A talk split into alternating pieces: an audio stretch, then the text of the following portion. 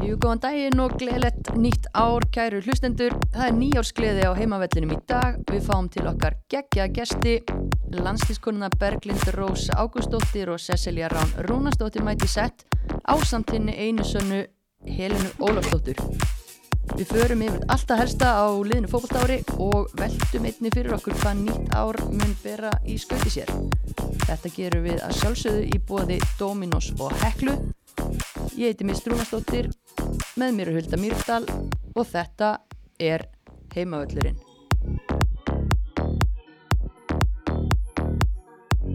Jæja, mættar eru í sett Berglind Rós Ágústóttir og Cecilia Rán Rúnastóttir. Gleðilegt nýtt ár, dömur og velkomnar. Já, takk fyrir. Já, takk fyrir að, gleðilegt nýtt ár. En hvernig hérna, eru þið búin að hafa það? Uh, bara fínt, fyrir að þetta COVID er, þá fara að hitta mann svona færri fólk í kringum sig, en þetta er bara búin að vera fínt, bara notalega svona frítt. Mm. Ég er náttúrulega nýkominn frá Flórida, þannig það var mjög næs. Mjög fín. Var COVID eitthvað þar? Sko, þau voru ekki mikið að spáði það, en við vorum bara sér í húsa en vorum ekkert kannski mikið að hitta fólk. Ekki að þræða Walmart gangana En mamma var svolítið, í, en með góða grímu. já, með góða grím. En hérna það er svolítið áhugavert uh, með ykkur, uh, spilið saman í, í fylki hitti fyrra og endið svo saman í Örebró í, í sumar. Eru þið með eitthvað leynisamning sem að engin annar veit af eða? Ég held bara að sessa þér inn alltaf með. Ég er bara fækið nóg að begja, sko. Hvað er það með Berglindi? Hún er bara svo góði vartamæður, ég er bara, Við erum svo gott heimi. ég veit það. Nei, nei, þetta var, ég þekkti náttúrulega ekki sessa þegar hún kom, hún var hvað, 15 ára? Já, eitthvað og svo bara vant á okkur markmann og ég mælti með henni og við sem var ekki á samning og Mm þeir fóru bara alltaf og náði henni það sem ég er bara mjög glöð með. -hmm. Já, þú glöð með það líka sessa. Já, þetta var bara mjög lærdómsríku tími, sko, og ég myndi ekki breyta henni. Nei, en núna er hérna spurning hvað verður næst. Uh, Berglind, þú ætlar að vera áfram í Örebró eða ekki? Jú, ég er samlingsmyndin eitt ára viðbútt allavega, þannig að ég verð þar áfram fyrir þangað út í lók februar. Líður vel í Örebró? Já, ég, ég ger það og ég er mjög glöð að það er alveg margir leikmenn sem eru skrifið annað ár undir, þannig að þekki alveg einhverju sem eru annað og þannig, þannig að það er bara mjög fínt. Sami kjarni. Já, svona eiginlega. Ok, og hérna, en þú ert eitthvað meitt núna eða ekki? Eða Jú, líþó, ég fór í líþó aðgerð og ég bara ná mér úr því og er bara byrja í endurhæfingu, þannig að þetta kemur svona hægt á býtandi. Já, hvennar hérna heldur að þú verið mætt áttur út á æfingasvæði? Sko það er óttið sagt 6 til 8 vikur. En svo er náttúrulega þetta er þrið aðgerðin á þessu nýji þannig þetta er svona kannski öðruvísi en ég náttúrulega bara býst við að vera vonandi fæ einhverja mínútur í fyrsta byggarleinu sem er í lok februar en Já. ekki þá bara næsta byggarleik ég bara reyna að fá einhverja mínútur allavega fyrir fyrsta leikin í mótinu sem er hvað er lok, mars held ég eitthvað byrji. Já, stýttist í þetta. já, hann er bara út af, þetta er 14 delta lið, nei, hann deilt segir Þú ert að deild, já, í fyrsta sinn, já, ég mitt.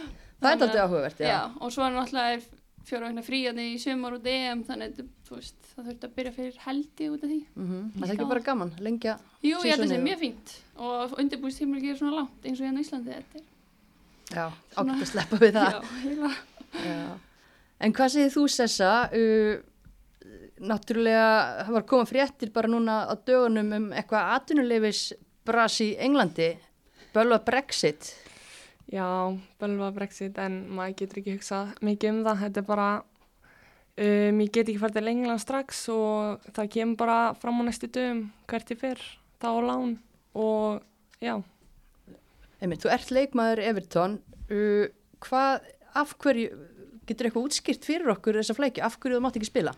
Sko, ég personlega er ekki mikið inn í þessu punktakerfi. Þetta er eitthvað varðandi landsleiki og leiki í sterkum dildum en umbásmarinn og pappi sjá bara um þetta sko, út af því að þetta er rosalega flókið Já. og bara það skilja um, bara mjög fáir þetta en já, maður getur ekkert gert. Bara- Nei, þannig að þetta snýst bara í í gruninum að þú fær ekki atvinnuleifi Já, í Englandi. En tekur það eitthvað tíma eða þú veist, myndi eitthvað tíma að spila með Everton eða? það bara, maður bara veit aldrei hvað gerist en ég er náttúrulega býst við að fara bara lán núna og sjá svo til. Mm maður veit aldrei hvað gerist. Það er náttúrulega EM á næsta ári og, og bara hvert langar þig? Mér langar náttúrulega að fara að stefna eins langt og ég get og já, maður verður bara að taka eitt skrif í einu, maður getur ekki byrjað að hugsa of langt út í framtíðina út af því að maður veit aldrei hvað gerist í fótboltanum. Þannig, en það er bara spennandi tíma framdann, myndi ég segja. Já. En þú varst að æfa í Fraklandi þegar ekki desember. Um, jú, ég fór að skoða aðstæður í Fraklandi. Og hvernig leist þér á þar? Bara mjög professional umhverfi fannst mér og flotti þjálfarar, flotti leikmenn en já, ég bara er ekki búin að taka ákveðin. Þetta er bara að segja no more, maður sér það bara á þér. Þú veist svo miklu meira en þú ert að segja okkur, en það verður bara að hafa það. En hvernig berum við fram nafnið á Reims, Reims, hvernig, Úf, ekki spyrum ég, ég tók spænsku í skóla, ég tók ekki franskuna sko. Reims, skulum bara segja það með íslensku hreim, ég þú varst þar. Já, ég var þar. Já, ok. Og ertu með, bara ef þú gefur okkur aðeins meiri hint svona, áður en þess að við grilluði, ertu með eh, marga möguleika að skoða?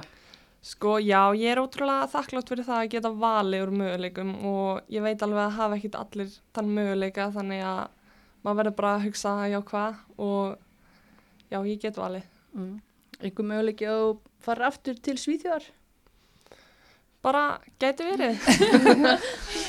Hvernig verður komin á þing, Sessa? Þetta er mjög, sko, þú ert með pokerface. En þú vilt fá að spila, þú uh, vilt bara, þú ert ekki bara að setja á bekknum, þú vilt spila. Auðvitað vill maður alltaf spila en svo verður maður bara að skoða möguleikana og sjá hvað staður henda manni best á hverju tímapunkti. Þannig, Mm. Berglind, veist þú hvert hún er að fara? Já, hugmynd, hún er mjög lokuð með þetta, þetta er, það er ekki hægt að ná þessu uppur henni. En Ó, þú veist, að hlusta á hann að tala, sem að þú ert hvað gömul, um, ég er átján. hvað, hvaðan kemur þessi yfirvegun? Hvað, hvað, hvað, af, af hverju kann hún að svara svona í viðtölum bara og er þetta ung? Ég veit ekki, ég hef ekki svarað þessu. Er hún svona alltaf? Er, er hún svona guð. bara alltaf? Nei, nei, nei, alls Ég er ekki. alltaf svona. Nei, það er bara eftir, það fer eftir hvað erum að tala um held ég. Já, Ég held það. já, En hún er alltaf líka búin að vera í þessu, sko, þó hún sé átjónar, hún er búin að vera í meistaraflokki hálfa æfi sína líku við, sko. mhm, Þannig að hún kannski bara orðin hans í vön. já. Þetta er eitthvað, Þetta er mjög þróskum með aldur. já. Takk. Það er eitthvað svona sjokk svipur að En nefnir, það er hérna, hvað, átta ára aldursmunur á ykkur Já. Já. og þið spilir fyrst saman í Árbænum og svo í Öribró, ég meina, eru þið eitthvað að chilla saman fyrir utan völlin? Ekki sagt það. Ekki? Er það ekkert að fara íkæða saman eða, eða elda saman? Já, ég og Begga erum bara mjög góður inn á vellinu myndi ég segja og Bara, við erum kannski með öðru í sig vinna fyrir utan hann. Já. Já, er það ekki, maður, vinnan og, og allt, já, en talandu það, gott samband inn á vellinum, mm, hvernig bara, hvernig myndið þið lýsa ykkar sambandi inn á vellinum? Aha. um, ég myndi bara segja að það eru góð samskipti á Já. milli, við tölum mikið saman Og hlustum. og, já, og við vitum svona nokkurn veginn Já, því við vorum búin að spila svo lengi saman, þú veist, ég veit stundum hvað Sessa mun gera, Já. eða hvað ætlar hún að fara að gera, eða þú já, veist. ég veit að Beg- Begga byrja bara að reykja boltan á sóla alltaf þannig bara, ég genum bara þar Og þú veist, ég er líka örug með hann, þú veist, ég veit, ok, hún er eftir að vera þetta eða þetta. Við treystu hver annar, það er alveg komið þetta Já. treyst. Já, 100% Og fannst ykkur að geta yfirfært það frá fylki, voru náttúrulega geggjaðar í fylkisliðinu þarna í hitti fyrra þegar að þið tækið þriðasætið og, og bara voru frábærar, fannst ykkur eh, þið ná að taka það með ykkur til Örubró? já, get nú alveg sagt það. Já, náttúrulega öðruvísi að hafa náttúrulega nýju leikmenn í kringum okkur líka en já, þá leikið sem við spilum saman fannst mér við að hafa unni vel saman. Mm Besti leikurinn sem spiluð saman, var það jafntöflið á móti Rosengard?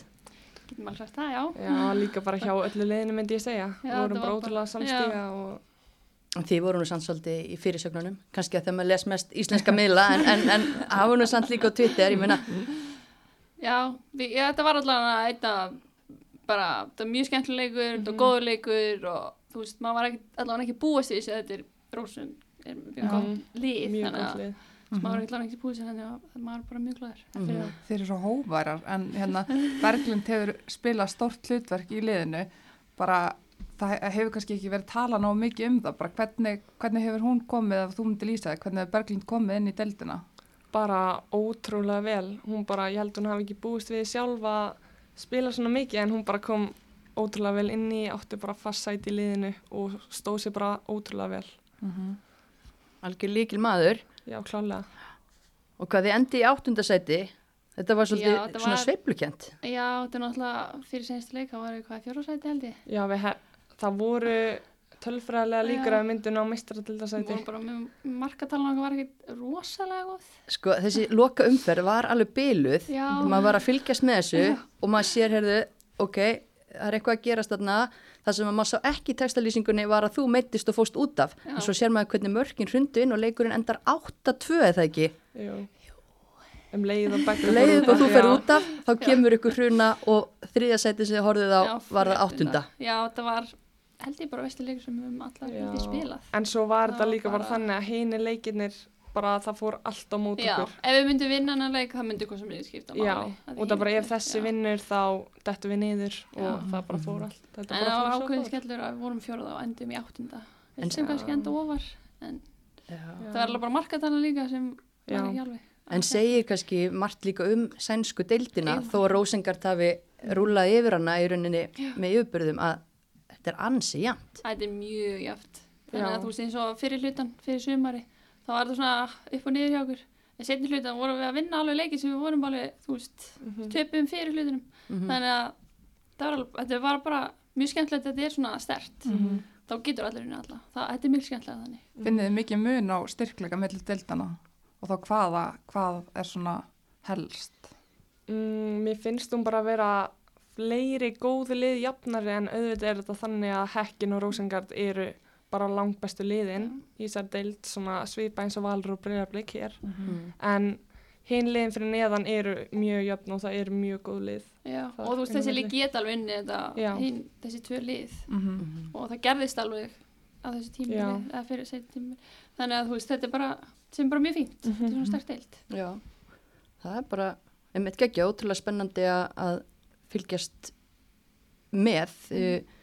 Mm. En því að nefndir hérna Val og Breiðabliki í sérflokki heima, hvað hérna, þið farið frá fylki sem var í þriðasæti þegar þið yfirgefið landið og síðan verður eitthvað undarlegasta hrun sem að bara í manna minnum þetta síðasta sumar. Og við spáum er það ekki liðinu Bara aftur sæti. þriðasæti, solid, þó að, þó að kanununnar séu séu farnar. Þá byggust við meira en hvað hva gerist frá ykkar bæjardyrum séð? mm, Það er erfitt að segja, en það sem, þú veist, maður heyrði bara mikil meðsli, en það var fullt af nýju leikumur sem kom inn, þannig að maður vonast til að, þú veist, að fylgi myndi enda ofar, sem er mjög leðilegt að þetta gerist, en ég, ve ég veit eiginlega ekki, þú veist, ég veit ekki hvort það var einhver mórall eða hvort að, þú veist, ég, ég veit ekki, ég held að kannski sessa sér. Nei, ég er nefnilega um, ég man bara þegar við lendum í þriðarsæti þá var þetta svolítið þannig að allt fjall með okkur. Já, bara við töpum leik þá tapaði selfhósleik og liðin fyrir neðan okkur. Og mér fannst þetta vera bara svolítið öfugt núna í sumar. Bara það fór, það bara gekk ekkert hjá fylki. Og það kannski spilar inn í en svo náttúrulega líka eins og Becca sagði mikið að meðslum og já bara, maður bara veit ekki alveg hvað gerðist en já ég mætti eitthvað æfingu með þeim í sumar og mér fannst bara mórallin fínt og mér fannst það mjög góðar þetta bara kannski bara ekki þeirra já, ár, þeirra, já, einmitt sem er mjög leðilegt. Það var erfitt fyrir ykkur að, að fylgjast með. Nagandi samviskubitt að hafa farið. Já, þetta er svolítið leðilegt að því kalla og hvenna meginn duttu bæði niður, þetta er svolítið svona mjög Já. sárt en þú veist, ef þú dettir niður þá bara kemur sterkir tilbaka já, einmitt það er svona eina sem hægt er að gera en þetta, Já, erfitt að horfa á þetta. já, það er mjög Já. að því maður var að fylgjast með öllum leikjum en, Mhm, en svona er Já, Hafið trú á að, að fylgisliðin kalla á hvenna ná að vinna sig upp strax aftur eða haldið að sé svona uppbyggingatímabil í vendum í árbænum? uh, allavega hvenna meginn þá held ég þessi uppbygging. Mhm, uh, það eru nýjir flótt þjálfarar. Uh, ég er reyndar ekki búin að sjá eða mæta henni æfingar eitt svolítið ég er bara að heyrta fullt af ungum og góðum stelpum sem er þarna þannig ég held að það verið góð uppbygging. Mm. ég veit ekki hvort það fara beint um núna ég vona einnilega mhm. en kannski eftir tvö ár segjum svo en kalla minn, það er að segja ég, ég held að þeir eru líklega að fara upp Mm með Já. við, þú veist, áskilvörkur og allir, þú veist, eru Mhm. mm. mest magni eru leikmennin áfram í kalla minn en hvernig minna fóru mest magnar en já, ég er svona spáið því Já, það fóru mjög margar en náttúrulega eins og við sáum líka í sumar lengdeildin er orðin svo ótrúlega sterk Já. þannig það er orðið erfiðar að komast bara það er meira en að segja hún er orðið miklu betri en hún var. það já, Algjörlega, já, já. Það bara, kemur í ljós að þessu nýja herrans fótbolta ári okkar. Mhm. En það er aldrei mikið fjör framundan. Ég menna landslið er að fara inn í risa ár og þið eru báðar búin að vera þar. Hérna, hvernig leggst þetta landsliðs ár í ykkur? um, bara ótrúlega spennandi við erum að það var að staðfesta að við erum að fara til bandaríkjana núna í februar og þar spilum við á móti bara sterkasta liði heims, bara bandaríkjana og þá eru gaman að sjá svona hver við stöndum á móti þeim Það er geggja þessar fréttir þeir að fara á Leaves Cup. mm sem er náttúrulega bara heiður okkur sér búið þangað þetta er bara stert mót og með sterkum liðum og það sýnir bara hvert Íslandi komi Mm Verðið þarna með Nýja Sjálandi og, og tjekkum líka. mm -hmm. Þannig að þið verða þarna góðar vinkonur tjekkana eftir þetta mót og, og undankefni HM. Og svo Betsy Hatsett vonandi með Já. Nýja Sjálandi. það var ekki ekki að þannig, já og svo náttúrulega bara EM í sumar sem er ótrúlega spennandi og við ætlum okkur stóra hluti þar Mm. þannig Hvernig er með þið Berglind verandi meitt á þessum tímpunkti stress eða... Já, ég get alveg sagt það. Þetta er svona því, það sem ég veit ekki á nákvæmlega hvernig ég má byrja að spila fótbolta. En ég veit allan að ég verð út janúar, februar og mótið er í februar þannig ég mun allan ekki fara þótt ég á hvað stefna á því. En ég stefna allavega að reynum besta með liðinu mínu að því ég veit ef ég mun standa mig vel þar þá verð ég öruglega í hópnum með vonandi að ég stefna á það, það er allavega markmið og ég von innilega og ætla allavega að reyna en við sjáum bara hvernig undirbústímul gengur og hvort að nýið verður ekki gott. Já. Það er eiginlega skiptið með smáli er nýið að því ég vil eiga að halda nýjunum mínu til yfir eldri og svona. Já, Það er mikilvægt. Hvað sagði Já. þetta að væri þriðja aðgerinn á sama nýja? Já, sem sagt, ég sleiti einu svona og reif smá krossbandið líka í annarsinn og sleit líþón og núna reyfi, eða sleiti að reyfi líþón, hvort maður segir það. Þú veist, auðvitað er þetta ókslega leðilegt og maður vill halda áfram og þú veist, ég er 26 og allt í lagi en maður finnur alveg fyrir í hjánum, þú veist, maður finnur alveg að þetta er alveg, ég er ekkert fara að spila þarna til, ég verð 30 og eitthvað, ég veit það ekki, þú veist, ég var bara að sjá hvernig ég verð, þannig að það verður bara að koma í ljós, gera best ár meðan ég get. Já, Mhm. er bara... þú ert nóg eftir. Já, En þú hefur spilað, þú veist, þú hefur spilað fjóra landsleiki og það er náttúrulega EM næsta sumar. Þú veist, uh, hvað finnst þér þú hafa bætt bara svona meðan nú er náttúrulega eitt ár í atvinnum mennsku er risa, risa skref og hvað finnst þér þú hafa bætt í þínu leik bara þar? um, sko, þegar ég fór út þá eins og það er svo mikið taktík í Svíþjóð Mhm. og miklu meira enn í Íslandi. Þú veist, þar fyndu fyrir einhvern einast æfingu og fyrir einhvern einast leik og hvernig hinn leikum er og liði og allt það. Þannig að þú veist, þegar þú sendir bolt þarna þá veistu af hverju þú sendir bolt þarna. Eða þú ert að pressa þarna þá veistu af hverju þú ert að pressa og af hverju við erum með hápressu og af hverju þetta, þetta, þetta. Mhm. þannig að maður svona, hvernig maður stækkar hérna meira getur maður sagt, og maður meira leskiling og maður bæti sér meira fótbollega séð og bara hvernig þú þú veist, þú gerir eitthvað og veistu hvað er eftir að fara að gerast og eitthvað svona leys þannig að þú veist, geta og náttúrulega kemur út sterkari leikmönnum og liðum þá verður maður betri þannig að Mhm. ég held að það hafi hjálpa líka Náttúrulega bara að vera atvinnukona úti en er það að gera eitthvað með fótboltanum? mm, ég er að klára mentaskóla Já, þannig, það er stór. Já, já, veit ekki alveg hvernig ég klára en Það kemur. Já, Í hvað skóla ertu? uh, Vestló Ok, í fjarnáminu þá. já, Já. þú bara klarar þau og klarar það er rétt uh, Ég er í hjúgrunn en það er svolítið púslið með atvinnumennskunni svo það verður að koma ljós. Já, Já, en það, já, mitt, þú getur tekið bara eitthvað x mikið í fjarnámi en þetta er vantilega mikið verklegt eða ekki? Jú, eins og núna þá fekk ég leif að taka verknáma því ég meitt og tek núna verknáma í februar í þrjár vikur. Og það er síðan að taka sex vikur í oktober til november þannig að ég þarf að reyna að færa yfir að, í Örubró hann að stjúkurist þar, ef ég fæði ekki þá veit ég ekki. Ok, að en maður reynir að gera sér best úr þessu mhm. þannig að maður kemur bara í ljós já, gildir ekki bara saman um þig eins og þú veist að segja við sessum að klára þeim að klára? Ég var nákvæmlega, nema bara þú þú þarfst að klára hjúgrunna ákveðin tíma, þú veist þú kemst inn í klásur þá ertu komin, en þú getur líka bara ef þú klára ekki fyrir ákveðin tíma þá bara dettur út og kemst ekki aftur inn nema og fari aftur í gegnum allt. Við sendum bréf bara, Já. hún er í fótbolta núna slakið á. Það, skilja, það allir. Já, já, það ekki. Maður, búin, maður, ég var að reyna, þú veist, ég tók mig áspásu, það má bara taka áspásu, þú veist, þú ert, þetta er fjör ár, þú tekur þess að áspásu á tveim árum, mátti það, og svo áspásu á tveim senust árum. Ég er búin að taka máspásu en ég þurfti að taka, en ef ég myndi ekki taka þá, þú veist, myndi ég detta út, þannig að þetta er svolítið, Þeir eru að missir. já, og ég reyndi best að senda post og það var ekki mikil hjálp, sko, Nei. Ertu í HÍ eða háa, HA? Já. þannig ég þarf alltaf að fara. Getur ekki hótað ef maður skipta yfir í HÍ að Já, en það er ekki fjarnám. Það er ekki fjár, ná ok, Já. já, Þá sleppum því. Það er það það var að vera.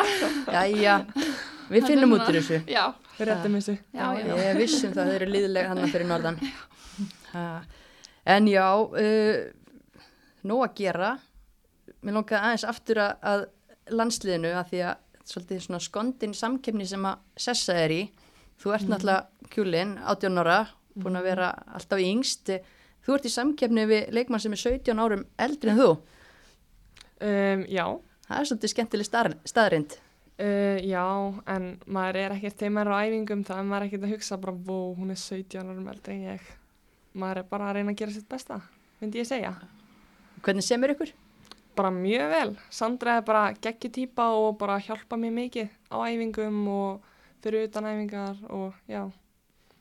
erfitt að vera markmaður að berjast um stöðu í liði þar sem er bara eitt plás Nei, svo sem ekki, ekki þannig, maður náttúrulega þekkir ekkert annað og já, maður bara fyrir æfingar gerir sitt besta og svo er landsliði bara geggjaður hópur og það er alltaf rúslega gaman að koma að inn. En það er leiðilegt að setja á bekknum. Aldrei gaman held ég. Já, ég held að ef þú spyrir bara alla fótbollsmenn þá myndi ég segja það hannig. Já, ég var bara að býða eftir þessu hjá þér og hata þetta samt. en hvernig hefur þér fundist þegar að þú hefur fengið tækifæri að starta Bara, já, bara geggjað sko og náttúrulega bara ég er náttúrulega bara ótrúlega þakklátt fyrir það eins og fekk fyrst tækifæri frá Jón Þór bara 16 ára eða eitthvað og þegar ég fæ tækifæri reyni ég bara að nýta þau og hafa gaman að gera mitt besta. Já, þannig. Er hvernig eru tögarnar Nokkur rólegar myndi ég segja sko. Ég er bara kannski smá stress inn í klefa en svo lapp maður út á völl og þá er þetta bara fótbolti. Hvað hugsar þá þegar þú ert bara með, þannig eru kannski leikmenn sem þú ert búin að líta upp til bara lengi og þú ert allt í henni átt að fara að verja, þú ert eina sem getur loka markin aftast, ef fer ekkert hrollur. Nei, nei, ég myndi ekki segja það. Eins og ég var náttúrulega búin að fara í nokkra ferðir að spila fyrsta leiki minn. Þannig að maður fekk smá svona, um, þegar var þess á æfingum, ég mætti ekki bara fyrstu ferðina og spilaði fyrsta leiki minn. Þannig, já, ég myndi ekki segja það. En já, en þessi ró og þetta attitude líka, maður hefur heyrt nú hefur við spjallað við leikmenn í liðinu, hvaðan kemur bara þetta að mæta 17 ára æfingar, bara láta leikmenn heyra það sem eru kannski með yfir 100 leiki, hvað er það? og það er bara menn- aðdánavert Láta mann heyra það. já, þú veist, það er, það er svona tökkur í þér þú veist, þú ert ekkit inn í þér þegar þú mætir æfingar Hva, hvaðan hefur það? Sko, ég held að að þú spyrð bara flesta leikmenn á bara háum stigi sem er að spila háu stigi bara um leið og labbarinn á fótboltavöldin þá ertu ekkert að hugsa um hina leikmennina og getur alveg eins verið að spila bara um, á Íslandi í fjóraflokki eða eitthvað, ég veit ekki og maður er bara ekkert að hugsa, ég veit ekki ég bara segja það sem ég vil Hvað segir þú, ert sammála þessu berglindi eða? Já, hún er náttúrulega, það er eitthvað smá í henni sem er eins og í leikjum og sérstaklega vorum í fylki. Það var rosalegt hvernig fyrir ekki rauðspjald eftir að leikunum var búin á mútið selfhúsi og Hólmfríði Magnúsdóttir reyma skonna sína. Svo fyrst á eina til að byggja fríðum að beigja sér niður. Nei, ég held að það sé bara mjög gott fyrir það er ekki margir leikmenn hennar aldrei sem er svona og ég held að þetta eftir skilina ná langt að vera svona því. Að, já, það held ég. Maður hefur nú róast með árun að, það, það, fólk tekur eftir þessu út af því að eins og þú segir, þú veist, yngri leikumenn kom oft inn á æfingar og eru kannski meira tilbaka með stjörnur í augunum, eru ekki að láti sér heyra en það er, verðist ekki hjá hana og það, það er að, er þetta ekki líka bara skilinni, mun skilinni lá? Jú, algjörlega og þú veist sem er bara mjög gott að því þú veist þegar hún kom í fylki hvað 15 ára og maður var ekki búist við þessu og svo fær maður að heyra og ég bara, já miklu yngri en ég bara ok, þú veist Hvað er hann að segja? Hún veitir ekki að segja neitt, jó nei, ég myndi aldrei segja það Nei, hún er meira svona, e, þú veist, ég veit ekki alveg hvernig ég útskýr, þetta er meira svona líkamlega hvernig hún bara presensið sig. eitthvað Já, Já. og líka bara, þú veist, að ég veit ekki hvernig, hún er bara ákveðin, ég myndi segja hún er ákveðin, Mm veit ég alveg ekki hvernig það. Veit hvernig vörnin, hún vill að vörnin vinni fyrir fram að sig. Já, og- nákvæmlega. Mhm. En eigum við að taka þá hversu vel að þekka ykkur aðra? Já, hvernig væri það? Sko, Laufléttur liður í bóði Huldu og Dominos brauðstangana, ostagottið færir okkur þessar. Ég fór náttúrulega í Hrundbæ og sótti ostagottið og þar þær sem að tóka á móti með þar eru miklar fylgiskonur. Þannig að þeim fannst áhugavert þessi tenging ykkar að bara að vera í svíþjóð saman og vilja vita bara hvernig, hversu vel þið þekkist í raun og veru. Hvort þetta sé, voru reyndarfarnar að sakna ykkar svolítið en tóku eftir því að, að Berglind þú varst á Íslandi í jólafríunu og sérsta greinlega nýmætti baka því að það hefur stór aukist Já. salan Já, nákvæmlega. sko, mér er að reyna áttum á þessum leik sjálf. Já, En hérna- er einhver næri En hérna, ok, við byrjum á sessu. Ok. Hérna, hvað var mómentið hjá Berglindi þar sem hún hugsaði bara ég er drullu góð, ég er bara best í þess eða ég er bara á sænsku deildina. Um, það er svo mörg hjá að- Beggu myndi ég halda. En ég ætla að segja að þau fengum stígum út í Rosengard. Hvað er rétt svar? Það var hárið. Þá varstu bara best. Þetta er eitt, þá skráði Alkohólik. ég, ég skráði þetta hjá mér hérna. Það er, Sessa fær eitt stig, þannig að hún er, þetta, þetta er svo, það er heimilislegt bókald Eilti óska þess að hlustendur getur séð þetta Ok, hvað er, hérna, hvað er mómentið hennar sessu í sumar þar sem hún hugsaði bara, já, ég er konan. Já, þetta var frekar við spilning. Það Já. sem að þessi markvarsla sem hún tók á móti Rósengard sem fór út um allt, ég held að það sem myndi vera það. Já, ég sagði bara leikurinn eftir leikinn. En hann, ég myndi ekki gefa henni rétt fyrir þetta. En þú hugsaði samt þegar þú tókst þessa verslu, það er allir Já. að fara að sjá þetta, ég er geggjuð. Já, það er, stig. Já, það er stig, maður sér, í, maður sér í gegnum þetta, þetta er, Ok. en hérna, Sessa, hvað, er, hvað myndi Berglind segja að væri hennar styrklegi? Um, ég myndi segja að væri að reykja upp boltan og lesa leikinn. Hvað segir þú, Berglind, hvað er rétt svar? Allan leiðskilningur, já. Já, en þú ert ekki til að taka á þig. Jú, veist, ég er alveg góð en þú veist það bara gerist það gerist. Ég er ekki veginn, það er bara eitthvað í mér. En já, ég myndi segja frekar, ég verið svona varnarlega góð einn á búið einn og sterk ákveðin. Já, leikskilningur það. Það er leikskilningur, það er hálft, hálft stig.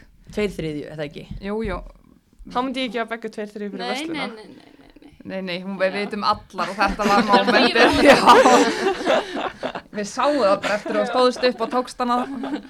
Hérna, en hvað er, hvað myndi Sessa segja að vera sinn styrkliki? Mm, hún er alltaf svolítið, hún er rosa hávaksin, þannig ég Mhm. myndi segja að hún er mjög góð í að ná, hvað segir maður? Fyrirgjöfum, háboltum Já, háboltum og líka bara markvæslum svona sem er alveg út í bláhannin, sko, og góð í hotnum, þú veist, mm. mjög, og hún er mjög góða spyrnur.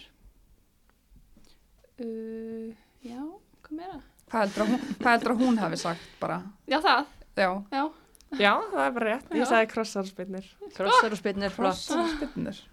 Engin fótboltagrein þarna eða nei, En þetta er, ég meina þó maður sé, ég hef samt alveg hitt fólk sem er hávaksið og það getur samt ekki Já, tekið verslur og móti Já. Rósengard. Þannig að þetta er einhver hæfni líka. já, Hún hefur sig. það- já. En þú ert ekki, þú ert ekki, vildi ekkert gefa nóga mikið. Þú Nei, það má ekki of, ekki Nei, of. Þú má ekki ópeppast. Nei, en þessa, ef að hérna Berglind mætti bara einn leikmann e, í Örebró sem hún hefur spilað með yngri landsliðanum eða félagsliðan, hverja myndi hún vilja fá bara morgun? Þetta er mjög erfið spurning, myndi ég segja. Um, ég ætla bara að giska á svöfu. Söfur Rós. Eða Hildi Antons. Vá, gert. Eða?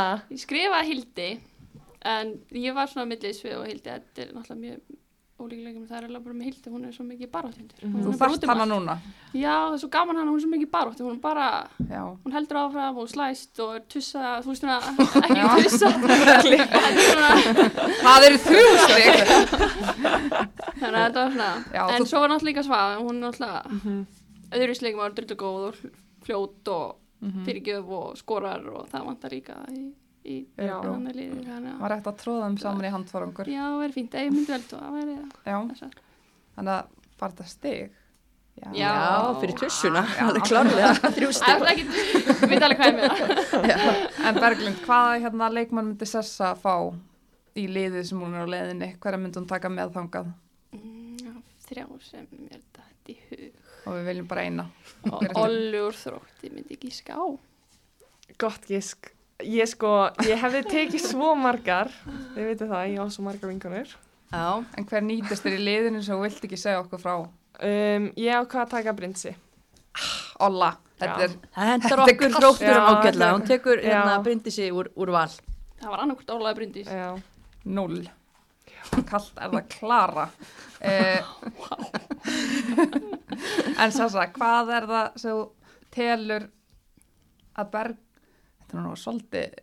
Hvað, hvað er það sem að hefur komið Berglindi á þann stað sem hún er í dag? Um, ég myndi bara segja metnaður og þraut segja, myndi ég segja. Berglind glottir. Hvað skrifa Já. þið? Nei, ég sagði þrjá segja Já, þraut, þraut segja, þetta er ekki orða sem maður heyrir á hverjum degi. Þetta er tvö stygg. Við erum búin að vera svo mikið saman. Já, þraut segja. Já, akkur er þraut segja. Ég bara, veit það ekki. Begga bara, wow. ég hugsaði bara að hún er búin að meiða sér svo oft Já, og búin að lenda heldur alltaf miklu. áfram og Já, mjög dugleg að gera auka æfinga fyrir nýjað og æfa sig auka og Mhm. koma tilbaka. Það er meira en að segja að koma tilbaka, myndi ég segja. Ég held þetta sé bara hárið, Já. tvö stig. Já, Nei, nei, en Berglind, hvað hefur komið á sessu á þann stað sem hún er í dag? dugnaður og aukaðingarnar mm, metnaðurinn náttúrulega og viljinn Þú er komið öll orðin bara þannig að það er ekki vel Já. eitt eitt orð. Er það dugnaður? já, já segjum dugnaður Það eru núl stig. Hvað var Nú, Ég sagði metnaður og bara hvað mér finnst gaman í fólkvölda. Mér finnst það að hafa komið lengst, þannig. Þetta er, jú, hún kom þessu svona gaman. alveg þarna. já, Já, ég myndi já. gefa mér eitt Þannig að það er, Berglind, þú fær þrjú stig og Sessa með þrjú og hálft. Þannig að Sessa fer heim, hún þekkir sína konu aðeins betur. wow. Fylgist aðeins já, betur. Já. mm, Hún er ung og tekur eftir. Já. En já, þetta var bara gaman. Þið þekkir svona ágætlega. Þó sé ekki saman öllum stundum, en Já. þá er þetta samt alveg nokkri tímar á dag sem fær í æfingar og já, þetta er alveg svona manns annað heimili og Já. að- emitt. það var nú gott að hafa það vel mannað. nákvæmlega. En uh, stelpur, það er glænýtt fótbolta ár að hefjast og uh, hérna... Ú, var þetta flass? Ó, ég ætla ekki að fara að taka myndir hérna. Ég ætlaði bara, já, Þess að hafa áfram. Já, já. það var fínar. Einmitt, hérna, já, glænýtt fótbolta ára hefjast og strax svona farnar að koma einhverja fréttir. Agla-Maria Albertsdóttir, hún er farin til Hekken og verður allan á félagi þinn Berglind í sænsku deildinni. Hvernig líst þér á að fá hana? bara mjög vel ég er mjög, bara mjög glöð fyrir hennar hund að skrifa undir í á svona stóru og góðu félagi þannig að þetta verður bara skemmtilegt að keppast mótinni og þetta er bara gott skrif fyrir hana að taka Komið ég- tími á það að, fá hana í mennskuna? já, ég myndi segja það og hún bara myndi segja að hún gerða á réttin tíma því það er bara maður fer þegar maður er tilbúin og trýst því að þetta er alveg stórt skrif að fara þannig að ég er bara glöð fyrir hennar hund Já. Gott fyrir landsliðið? Klálega og líka bara heiður fyrir hann að skrifa undir hjá svona stórlegi í Svíþjóð og ég held hún muni bara smellpassa inn í sænsku dildina. algjörlega Já. Já, það var gaman að sjá hana og Dilja og Ír saman í, í Hekken. Komið nýtt svona Íslendingalið. Mm -hmm. Þetta er svakalegt lið. Er það ekki sömu stuði? Nei. Jú, reyndar, það verður svakalega samkefni en ég meina báðar geta nú alveg hérna, leist, fyrir en eina algjörlega. og, og, og öðruvísi leikmenn mjög Mjög, mjög leikmenn. Mhm. þannig að, og náttúrulega við hittum Öglumari í hraðaspurningum og hún vildi þá reyndar ekki segja mig hvað leið hún var að fara til. En hérna, leðilega þöglar hérna. Já. Það er leiðilegt. Það má má ekki segja það má ekki segja neitt en það var, það er í, við hittum alltaf leikmenn og, og kynnustu betur í hraðaspurningum í bóði Nature's Aid Mhm. þannig að það var gaman að hitta Öglu og fara yfir jólinn með henni og fara yfir svona bara ferilinn, þannig að það er hægt að fylgjast með því inn á Instagram. Mm Instagram heimaöllurinn en hérna, ykkar konur Þórdís Alva og Bryndís eru farnar í val. Hvernig líst ykkur á það? Bara mjög vel held ég, um, segja ég.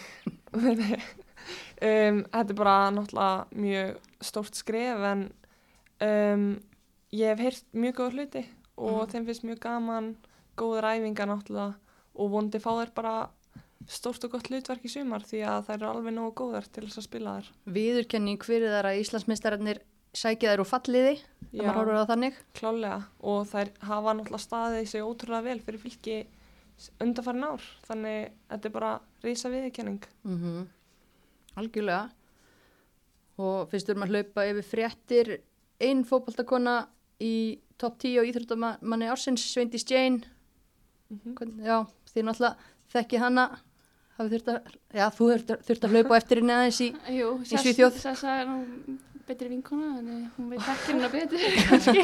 Já, Sveindís er náttúrulega bara geggið sko og mér finnst hún hafa tekið bara rétt skref á réttum tíma, fór í bregablik, fór svo í aðeins betra lið og er núna komin í risastórt lið þannig að það verður bara spennandi að fylgjast með henni, þýsku Mhm. dildinni. algjörlega og eins og þið nefndu áðan landsliðið og leiðið á, á Sípi Lífsköp mér finnst það geggjaða fréttir eina, Mhm. eina bestu fréttir ásins persónulega fyrir mig það sem að vera ári það maður er búin að fylgjast með þessu móti í svona síðustu ár. Já, þannig að það verður bara geggjað, myndi ég segja. mm hvað annað? Kristjánstad já, færi sig yfir á Selfoss. Eins og það leggur sig. Það er bara allt Já. Kristjánstad í Já. átt- 800 og það er bara bara snild, Bára Krisbjörg ráðin aðstofþjálfari hjá Bjössa Sigurbjörns og Sif Alladóttir ætlar að spila þar og Báru líka sjúkraþjálfari þannig að þetta er því líka pakki. Já, og komin matöld til þess að sinna öllu genginu æðist og, og loksins. Já, þannig að þetta, það verður eitthvað. Alvöru dúa á Selfossi.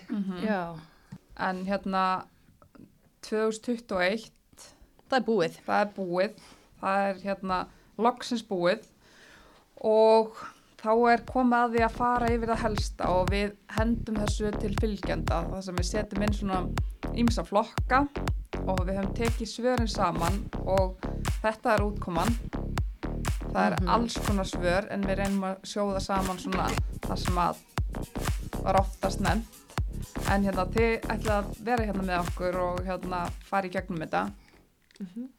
Er Já. það tilbúinur í það? Já, ég er alveg. En það má mótmæla því sem að hérna, Instagram fylgjendur lögðu til sko ef, ykkur finnst eitthvað alveg út í korti. Já. Það má Já. rífast. En, já, Má ég byrja á mínum uppáhalsflokk? já, hvað með það? Sko, tískásins. Mm. Það er ekki minn uppáhaldstáttlokkur, þannig að ég ætla bara að Hérna, kaffa með hann. sko, þetta, það kom, hvað haldið þessi tískásins hjá fótboltakonum í?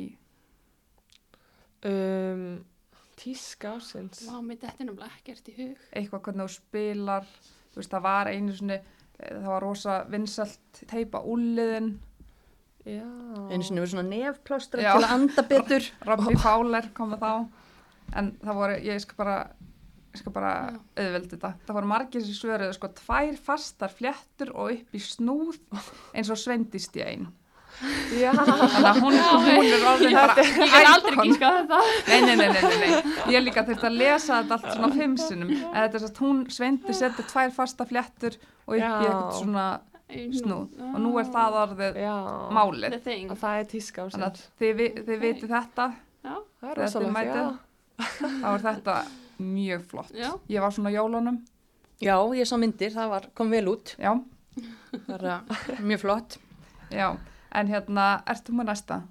Já, uh, læti ársins, það var mikið um alls konar læti, en uh, hvað, hvað dettur ykkur helst í hug? Um, læti ásins. Það, þetta, er, þetta er svona huglægt. Við getum, Hver var með læti? stuðningsmenn Já, eða þetta er... já, ég myndi til dæmis segja að læti ársins hafi meðal annars verið í Mosó í Já. afturhelding Já, FH, það það, en svo kemur líka til greina, eins og Guðrún Arnardóttir á móti Tjekklandi, beint í byrnaliðið og, og Það bara voru kemur inn með Það voru látum. læti. Það voru eins og ég tólka læti, þá er það læti í henni. það- ég sammála. Hún veit sko að það eru fullt af miðverðum að andofan í hana aðna margir. sko. og hún lítur ekki tilbaka og er með læti. Já, hún er bara geggjuð, sko. Er með læti, en mestu læti ársins, að mati heimavallarins, Mm það er kona með föstu fléttinnar og, og snúðinn, Sveindís Jane. Af hverju hulda? Af því að maður, maður var alltaf búin að kveikja á sjónvarpinu þegar hún skora mark í svennsku deildin eftir 11 mínútur. Maður, maður var alltaf búin að sko meðtaka að hún væri mætt út og þá er hún búin að skora og maður, aðja, ok, svona tólk við læti. Já, ég er sammála. Þetta er læti, þetta er alveg læti. Hún er alltaf með læti. mm Dominos Combo ársins. Hver Já. á það? Er það meira tví ekki? Nei, Dominos Combo, hva- hver á bestu Dominos pönturina af öllum gestum heimavallarins? Já, já, já, já. Hver á það? Ég skil ekki neitt. Nei, það er að sjálfsögðu Guðrún Elisabeth sem að kom með hérna, legendary haxið kvítlöksbröð og hot sauce. Hljómar ég alveg Hún var líka svo först á þessu. Já. Þetta var bara alveg kom, hún var bara reið þegar hún var að tala um þetta. Hún, þetta Ég trúði henni, ég Já. prófaði og bara mista proofs. Og pælið í því hvað Dominos núna salan er að fara að aukast í Mosó. Hún raðaði inn mörgum í sumar. En, Já, en hérna, Fyrst. Á ég að taka næsta. já, já. Ok, við erum með flokk sem heitir Endurkom ársins. Mhm. Er eitthvað sem að, eitthvað dettur í hug sem að þið hugsa bara, ok, þetta var Endurkoma. Ertu, kom, ertu með svona comeback Já. Mhm. á leikmanni? Mm Um, Það er fyrst sem dættur Hildur og Salmarsól, -hmm. kom bara úr kosmosmiðstum. Mm Um, Með látum. já, Mm. algjörlega, og gera vel með bröflik. Og svo náttúrulega ástæða líka í bröflik kom barnignum, mm. eða ekki? Nokkrar að- að koma úr barnignum. Mhm. Sif Alladóttir með Já, tvö börn, meistaradildasæti með Kristjánstad Já. og landslýsæti. Já. já, það Ekki er... amalegt. Mjög Já, Ég myndi líka segja sko endur koma Mr. Edwards þó hann hafi hafist í Já, rauninni vá, já. 2020 já. þá var uppgangurinn alveg þangall hún bara maksaði og tók mjög gott 2021 tímabil. Já, klálega. Hún búin að lenda í miklu þannig að hún bara fyrirmynd myndi ég segja. Já. Já. Mhm. En hverju erum við þá að leita að, Hulda? Hvað sögðu fylgjendunir? Sko, það Hvað sagði kvöldið? kvöldir, það var uh, leikmaður sem að kom skipti yfir í þetta lið á miður tímambili eftir að hafa verið undir radarnum og spila bara með lélegu káarliði í fyrra hjálpar liðinu að vinna titilinn þetta er Lára Kristín Já, Pettersson. en hún sem sagt bara hvernig hún kom inn í þetta lið samt það var ekki læti í henni þetta var bara fullkomlega Með svona hljóðláta vél. já. Og sem að- bara svona var róleg og Mhm. samt Mhm. bara stóð sér mjög vel. Já, útrúlega vel. Maður var kannski, ef maður horfði á leiki, tók maður ekkert mikið eftir Nei. henni, en svo bara fattar maður hvað hann er mikilvæg Já. hún missir úr leika eða eitthvað. Einmitt, og bara þegar maður sá bara þar bara gátt ekki hægt að vinna leiki og, og já, ég mæli bara með fyrir unga miðumenn að sko bara leia sér spólur er til spólur með lára Ekki að láru, nei. Nei, en, Kanski, þú veist, pæjumóti, já en leia sér bara myndavel og taka hann upp í leikjum þú sérð bara hvað hún er að gera og hvað þetta er easy fyrir hana Mm og þetta var svona, það er ekki mikið talað um hana út af það er, hún er kannski ekki með flugeldasýningu hún er ekki með læti, nei, öðruvísi læti. nei Ok, já, fair enough, fair enough. uh, hvað er að taka næst uh, ummæli ársins? mm Það hérna var tvent sem að kannski kom oftar en annað og bæði komið frá hlýðarenda. -hmm. Þetta er ykkur eitthvað í hug. Hmm. Nei, ok, nei Hvert? kannski annað þeirra er þeirra Elimetta hérna náði ekki að skora í fyrstu fimm Já. umferðum og, og hendi svo í þrennu og gaggrindi sofa sérfræðingana Mhm. uh, klára svo móti með 11 mörg bronsko og Íslandsmeistaratitil það var bara, já kannski smá sokkur með þessum umra, ummælum Þykkur ullasokkur. já, En hún viss alltaf að hún var að fara að skora. Er það ekki, Jú, jú. er- Berglind, þú þekkir Elinu. þetta er Elín. Heldur að hún hafi verið eftir þessa leiki að hún hafi verið bara kleinu heima að alveg, Nei, ég held að hún, sko, ef það gengur ekki upp, þá mun hún koma strax tilbaka. Hún er svona, er gott að segja, tala um það að hún er ekki skorið, þá veit hún, ok, þá þú veist, mm. þú veist, ég verð að gera, eða þú veist, Já. hún er bara það góð, það er bara stundum hefnast ekkert með manni að skora, það bara gerist, en maður vissi allt tíman hún myndi, það bara þurfti bara kveikja á já. Og önnur ummæli sem voru nefnd og komu nokkru sinnum til, til hérna skjálana á Instagram, það var sérst Eiður Ben á þau. En hann hérna hent á Twitter þessum orðum. Gleðu með að sjá ítumarinn í landsleginu stundum borga sig að sína þólimæði og ekki byggjum að fara lán þegar mótlæti kemur. Þetta, hvað, hvað, hvert er hann að beina þessu? já, Þetta er áhugavert. það er góð spurning hvað heldur þú Hulda? Það hafa nú nokkrar farað á lán frá val. Mhm. Ég minna Olla fer á lán, hún fer í Ía, hún fer í Þrótt Mm og ég minna samkvæmt þessu þá hefur það borgað sér fullkomlega fyrir Ollu að fara til dæmis til Þróttara. Hún hérna, hún, ég veit ekki hvað hafi gefið henni að sína þólimað á bekknum hjá val þegar hún nær bara að sína sitt besta andlit í Mhm. Þrótti. Já, ég er alveg samanlega. Já, mér bara finnst mjög flott hjá hann að fara á lán út af því að það er líka bara ekkert fyrir alla að gera svo ít það fara bara allir sína vegferð og Mhm. mér finnst þess vegna meikar þetta ekki alveg sens út að er ekkert allir sem eiga bara að gera það sama. Mhm. Nei. Og ég meina þú verður ekki betri í fótbolta nema að spila fótbolta. Jú, þú getur eftir með góðum leikmennum en þú þarft að fá að spila við það bestu. Já, þetta er náttúrulega öðru þú veist, þú ægir með góðum hann leikmönnum og þú verður betri en þú þarft að spila, það er, veist það er pointið og Mhm. ég meina, ég veit ekki með þetta En það er kannski en- veist, líka því að Ídamarín var náttúrulega hjá ykkur og spilar heilt tímabil í Pepsi Max-dildinni, er geggjuð, Og- já, stóð sig svo yfir í val og sittur á bekknum Já. fyrsta árið sitt þar. sem er mjög, Já. eða þú veist ekkert leiðilegt en bara þú veist skellir fyrir það, þú veist, að hún var svo Mhm. þú þú veist, var góð með okkur þannig að þú veist, maður vildi já. að hún myndi spila og vera ennþá betri en Mhm. þú veist, hún er náttúrulega góð í dag og er Já, betri já, og já. allt það og stóð sér mjög vel í sumar en, en ég meina, þú veist Ekki var það- fyrir alla. nei, það Nei. Og þetta var áhugavert Já, það var, það er ekkit oft sem að fólk er að henda ykkur svona á Twitter nefnilega. það er líka bara, já Fólk er ómikið að reytskoða sig eða Mhm. og lítið, ég veit það ekki.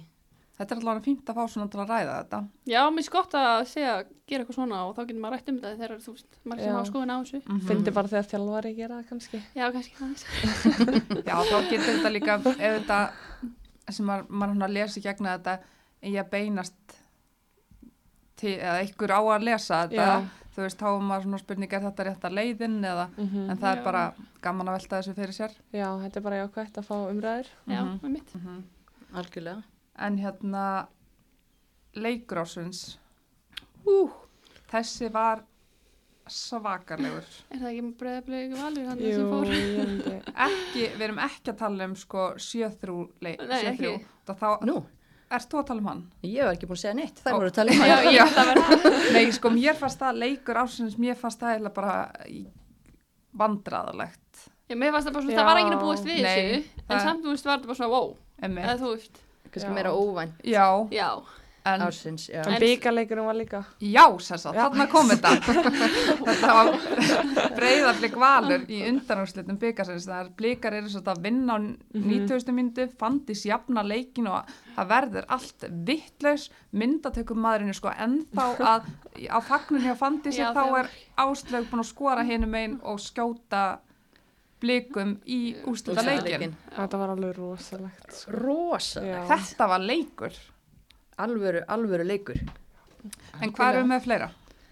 Við erum með alls konar uh, unglingur ásins ég reyndar, veit ekki hvað hvað hérna var það sett inn á Instagram eða? Nei, og ég er ekki með neitt þarna heldur. Sess að þú ert eini unglingurinn í setti hver er unglingur ásins? Ég myndi bara segja Svindís sko. Er hún ennþá úlingur? Nei. Er hún að konu? Er ekki Britney orðin Spears tvítugur? sagði. Not yet a woman. Ég hætti maður að vera lengur Er afsæk. það ekki þetta Ég veit Já, það þú ert eiginlega Þannig ég er ekki dúlingur þá. Þú Jó, jó, orðin jó, Þú mátt, við getum bara kosið því hérna, úlingur, úlingur ársins. Myndi maður ekki sé úling að vera kannski 16, 17, 18 ára eða eitthvað? Jú. Sess að þú rétt sleppur Já. Úlingur til ársins, að mikið Cecilia Rán. Um, Óvænt ársins Mm, bara tala um fílinn í herbygginu fylgisliði það var það sem ég fannst óvæntast kannski. Mm hrunið þar uh, svo tvær Guðrúnir. Guðrún Elisabeth sem slóði gegn með afturöldingu í sumar, raðaðinn mörgum best í lengjudeldinni og svo Guðrún Arnardóttir sem að, einmitt, var svisu yfir í toppliði í Svíþjóð og var sænsku meistari og, og stimplaði sinni landsliðið. Já, klálega. -hmm. um, bara Guðrunirnar eiga þetta bara. Guðrún Anna Þemun, já ok hvað ertu með meira Hulda? Ég er með mamma ársins. Ó, En þegar ég byrjaði að skrifa niður þá bara hætti ekki listin. nei, Það er svo margar. Já, það eru margar en það er náttúrulega, þú veist, ósangert að velja, má ekki bara velja mömmu mína jú, jú, ég get eins og sem alveg, hún getur fengið allan tilnefningu en, þú veist, mér datti ég til dæmis, þú veist, eins og Íris Dögg, hún er tveggja barna móðir, kennar í MK Mm og svo er hún bara einhvern veginn á bakvaktinni að loka markinni á þrótti og, og bara skilin stigum fyrir þær. Eftir Já. að hafa verið, þú veist, hún er ekki búin að vera í síðslösinu síðustu árið, árin en var það þegar hún var svo sem ung en þarna er hún, já þú veist, Yngri. já, hérna og svo til dæmis, þú veist, ég meina Fandís bara tætti þess að deilt í sig þegar hún vildi, Já. Dagný Brynjas, Sif sem við nefndum aðan Já. alltaf líka. Já, Elísa náttúrulega. já, emitt Já, ég, við getum ekki verið að Nei, Það er alltaf margar, já. og þú Bara veist, geggjar, Mhm. mömmur. og ég verða að nefna, þú veist, eins og Sörubjörg Já, hún, henn, hennar uh, litli hennar er sex vikna. Þú veist, ég hef aldrei séð svona eins og hún er æfa núna já, hún er bara ótrúleg. og ætla bara, þú veist, ég meina þetta þetta þekkist ekki úti í evróskulum liðum að Nei. þú sért að verða Mm ólétt bara á þessum tíma en hún ætla bara að sína öllum að þetta er hægt þannig að Þetta er hægt, Mhm, Já. Mhm. bara geggjað. mhm. þannig að, og eru fleiri er eitthvað mömmur sem að þið viljið gefa sjátt átt Ekki svo lítið. Já, kannski úlingur veldi mömmu. Þú getur bara valið þína. Ég vil bara mömmu mína, já. Hún bjóði til, Já, það er rétt. já. Já, mömmur eru bestar já. En hérna, ég var sko með líka tvíegi ársins. mm. Uh, þá er þetta leikmenn sem smetla bara svona saman eins og samlokur og þú sér það bara inn á vellinum að það er með sama heila, Ég er bara að bókstaflega. vinna vel saman. Já. Já. já. Andy Cole, Dwight York. Ég myndi segja, Sessa og Begga Já, já, ég myndi segja Guðrún og Ragna í afturhendingu. já. Það eru geggjar. Þær voru líka ansi oft nefndar sem Mhm. bara Já, þær, hversu mörg mörg ætli þær hafa búið til bara saman í sumar. nei, ég bara, Ragna var eitthvað að segja mig frá, var eitthvað að segja, segja mig frá stóðsendingunum og ég var bara, þetta var bara rosalegt. Hún átti eiginlega bara allar stóðsendingarnar á Guðrúnu, sko. Mhm. já. og Guðrún með bara öll mörkin Já. eða þú veist, það var, já það, maður man ekki eftir öðru eins Nei, Nei. þetta var bara rosalegt. Og ég nefndi hérna líka náttúrulega bara tvíegi, óvænt tvíegi, Karolín og Glódís. Það Mhm. er hérna, Glódís kemur til bæjar og tekur bara Karolínu í, í fóstur. hún er kannski mamma ásins Já. En svo er líka, það var nefnt innan nokkur sem Mist og Dóra Marja. Það er Já. náttúrulega fagna mörkunum saman á stórskemmtilegan hátt. Þú veist, átti báða sitt besta tímabil, Mhm. Mhm. uh, hafa aldrei spilað betur, vinna Íslandsmeistaratitilin. Mhm. það er ekki solid jú, ég, Já. vinna það er þetta ekki bara. Það er Jú. ekki hægt að gera þetta betur en þetta. við getum sett upp hérna 2v2 það er á móti hérna lengju marka Já, drottningunum já, það er þórið það. En hvað meira, ég var með líka með sko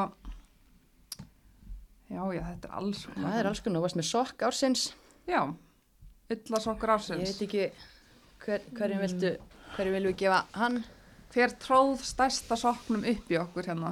Mm. Vá, þessi er erfið. Já, sem ég eru. ég er Já. hún er erfið Sko mér finnst bara Nick heldur áfram að, þú veist, ég veit náttúrulega núna hversu góðu þjálfvaran er og, Mhm. en eftir síðasta tímabil þá hugsaði maður, ok, þetta er bara svona, þú Mhm. veist, en hann gerir þetta aftur Mhm. og bara fær aðra leikmenn til að vera bara betri. Þannig að mér finnst hann svona, en það er kannski ekki sokkur, það er meira kannski. já, jú, bara Já, ekki allir sem höfðu trú þar en það er svo langt síðan að til dæmis við vorum með þessa spár og Já, eitthvað fyrir tímbili, ég Já. man og ekkert hvað. en ég veit að káeringarna voru eitthvað fúlar út í okkur. Við höfum ekki trúið, en þjálfarar og fyrirliða svo sem spáðu þeim upp. Já. Já, þannig að við getum alveg tekið þann sokk en það er kannski ekki eitthvað sérstaklega almennur sokkur. Nei, þetta, nei, káur, þær eiga alltaf að vera í þessari barótt að fara upp, þannig að ég, við vorum aldrei að fara að spá þeim falli hérna og, og geta ykkur að sokka. Nei, Nei, nei, teki í því. en, uh, sko, uh, hvað félagaskipta ásins? já, það er góð spurning það voru nokkur ansi góð er þetta að tala um innanlands eða erlendis eða bara Bæði, sko, bæði Mm. það er náttúrulega leikmaður sem kontur blika Caritas Já, gerði svakalega mikið fyrir blika, blika liðið og síndi bara já, að hún er eina af þeim bestu mm já. Það og náttúrulega Guðrún til Rosengards. mm Það var geðvitt. algjörlega Og ef þú nefnir Láru Kristínu sem endurkomuna þá lítur hún líka að vera félagskipti já. ásins Já. einn af þeim já, Alveg. með meira? en náttúrulega bara svo við horfum út í heim þá náttúrulega kannski var þú er búin að nefna Guðrunu, Glótisverti mm Mhm. bæjan það er risastórt já. og eins bara að bæjarn sæki Karolínu Mm þú veist, var það á þessu ári? Var það ekki ekki- byrjun Já, árs? var- Já, eða kannski byrjun. Ah, það allt saman rennir allt 2020. COVID, 2020, hún já. fór þannig á COVID-tímum til bæjarn og þau sækja hana Já, bara það stórlið sé að sækja svona leikmann. Mhm. já. bara síni hversu góð hún er orðin. Mhm. Já. En- en ertu með eitthvað? Já, ég vil eiginlega henda sjáta þetta á sínatöku drottningu ársins. Nú, mm af því að nú er maður svolítið í hraðprófunum. Þessi hefur mætt ykkur hans og og sko í vor í bólusendingunum þá var Ídamarín bara að láta allt rúla smurt upp á Suðlandsbraut já, og er hún að taka sínin neð sko Ída? Ídamarín var þarna gangandi með bóluefni reyndar fekk ekki að sprauta ég var alveg svona, ég grét það ekkert sko. En svo skellti ég mér á Kleppsmýravegin núna um daginn, tek niður grímuna sé kunnuleg augu og hver önnur en Bryndís Arna borar í nefu á mér. Og gerir þetta af slíkri fagmennsku bara beint í mark eins og henni er, henni er von, von að vísa. Þannig að Hvernig komur sér í það? Pappinar á eitthvað. pappin á eitthvað. Já, pappinar á eitthvað. pappin á eitthvað Á COVID. svona já, eða eitthvað. mammuna læknir er það ekki. Jú, en hún allavega er fætt í þetta þannig ég mæli með því ef að fólk þarf að láta hraðprófa sig. Það er hérna aldrei langar raðir klefsur með mýrar vegur og, og Bryndís Arna afgriðir ykkur shout out. María líka. hver líka sér þau? Fylki. Já, Marja Já, þannig. já, já. og hvað er hún staðsett ef maður vill kíkja til hennar í sína tökku Bara á samstæði, ég held að hún sé að vinna. Já. Þar bara. klefsmýra vegurinn að gefa það er bara fylgisparti, ef að sko afgreðslu stúlkunar og dómin og svo er ekki fyrir utan Kleppsmýraveg núna að reyna að fá áhrutun og, og síni þá veit ég ekki hvað Nei, ekki heldur en hérna hvað meira? Ertu með meira svona óvænt? um, Nei Mér fannst ég bara verða að koma þessu að því að nú er ég að hugsa hverjar hafa verið að afgreða mig eitthvað staðar og ég vil ekki að sjáta á Nei sko, þetta er ekki bara eitthvað svona afgreða þetta er bara þetta er bara, sína taka já, Ég gæti aldrei unni Ég við. bara, nei, ég er samanlega. ne, Bara- mér finnst þetta svo gott unglingarnir í Pepsi Max að fá að- svona Svo Ég bara- Já, Reyna, ég, nei. Er þetta að minna þægilega? já, þetta er svo hlægilegt Ég er alveg með hraðprófn í bara bunkum heima, mér finnst þetta svo eitthvað notalegt en ég er svo eina. Ég hef að þetta- samanburun er Ertu að fara ná langt? Er Þetta var- ég alveg, eh, ég mæti sko maður. en Þetta hef ég aldrei heyrt. Nei, nei, ég er líka svo eina, það rósa mér alltaf, alltaf ánæðar að sjá mig. En, að- en, Það fær ykkur svona oft. en hérna, já. Þú varst með mark ársins Mhm. Það er kannski búið að tala um það Fjögur þrjú sigur, ég veit ekki Ég hugsaði strax til áslegar myndu uppbóta tíma í undanúslitum Já. byggasins sko. Mhm. Allavega hana, það var svona mesta Nei ok, tjók, næst mesta dramað Já, sko mér fannst líka að ég fekk gæsa á þegar, sko að ekki er ég valsari, en ég fekk gæsa á þegar Fandi skoraði á móti Já. IPVAF bara Já, líka á 90 búin að eiga eitthvað trilljón markskot einmitt 80% possession og bara þetta var Fandís að vinna Mhm. þessi þrjú stig fyrir þar litlu stelpina sem eru Já. glæðan á bekknum og bara þetta var, já, Mhm. þetta var geggja Já, það var fallegt. Já, en líka bara svona dramatísk mörk önnur, Já, annað ógislega fallegt Hrafnildur Árnadóttir þegar hún skoraði loka mínuna skrýmur móti völsungi í úslitakefni annara deildar fyrsta meistarflokksmarki hennar. Ah. bara neglu upp í skeitin og fjölnir upp um deild. Það fannst mér Næs. geggja moment. Velja sér. verið, þannig að það er mark ásins í grá og ég allavega. Mm en, en bara enda þetta á hérna knattbunnu kona ásins já, er ekki bara er það ekki bara flott? Jú, og það er þá, nú er búið að velja þetta bara út um allt, en við erum með okkar, okkar val hérna. Mm og hérna, það er svona knattbyrnu konar ásins, þá er það svona okkar ádi, út að við erum hérna búið heklu og þá er þetta, kemur ekkert annað til greina. Og hérna, við erum með þrjá ádja, mismunandi litum mismunandi litum en í þriðja sæti knattspinnu konar ársins og þið megi mótmála þið bara réttu upp höndu að þið eru algjörlega vil ekki sjá þetta. Mjög vinsælt í næsta landslýsverkefni eða mótmæli Já. um, já það var líka kannski inn á kaupum ársins. Guðrún Arnardóttir kift til Rosengard frá Júrgardin á miðju tímubili Mhm. hún er búin að segja ímislegt um hana í þættinum. Mhm. mm, en bara svona þvílík áminning um hennar gæð og hæfileika, leikmaður sem hefur ekki fengið kannski nógu mikið hrós í gegnum tíðina, einn af þeim og hún er heldur betur búin að minna á sig í, í ár búin að vera að spila með landslinu, búin að skora sitt fyrsta landslísmark, mm -hmm. svíþjóðameistari það verður ekki betra Já, bara, ég held að enginn getur mótmælt þessu, sko. er þið vissar? Begga kannski mótmælt. Nei, hún er bara mjög gott tíma. Bara uppleið hjá henni. já, bara geggja leikmaður. Já, slegið. Mm Já, en þá ætlum við að er þetta óvænt hjá okkur núna næsta? Já, Já, kannski. Þetta er allavega uh, nummer tvö.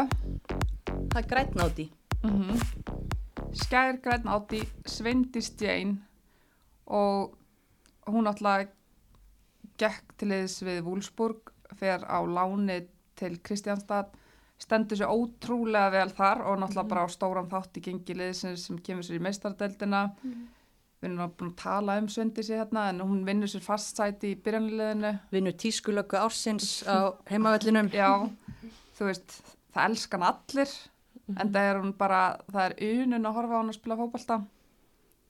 Og hvernig er að mætinni sem varnamaður ef að Eh, Það er náttúrulega alltaf erfitt, en svona fyrir mig, ég þekki hana smá aðeins, hvernig hún, hvernig hún spilar, þannig ég svona veit hvað hún gerir, en það er alltaf erfitt, það er alltaf áskorun, en maður bara gerir sitt besta.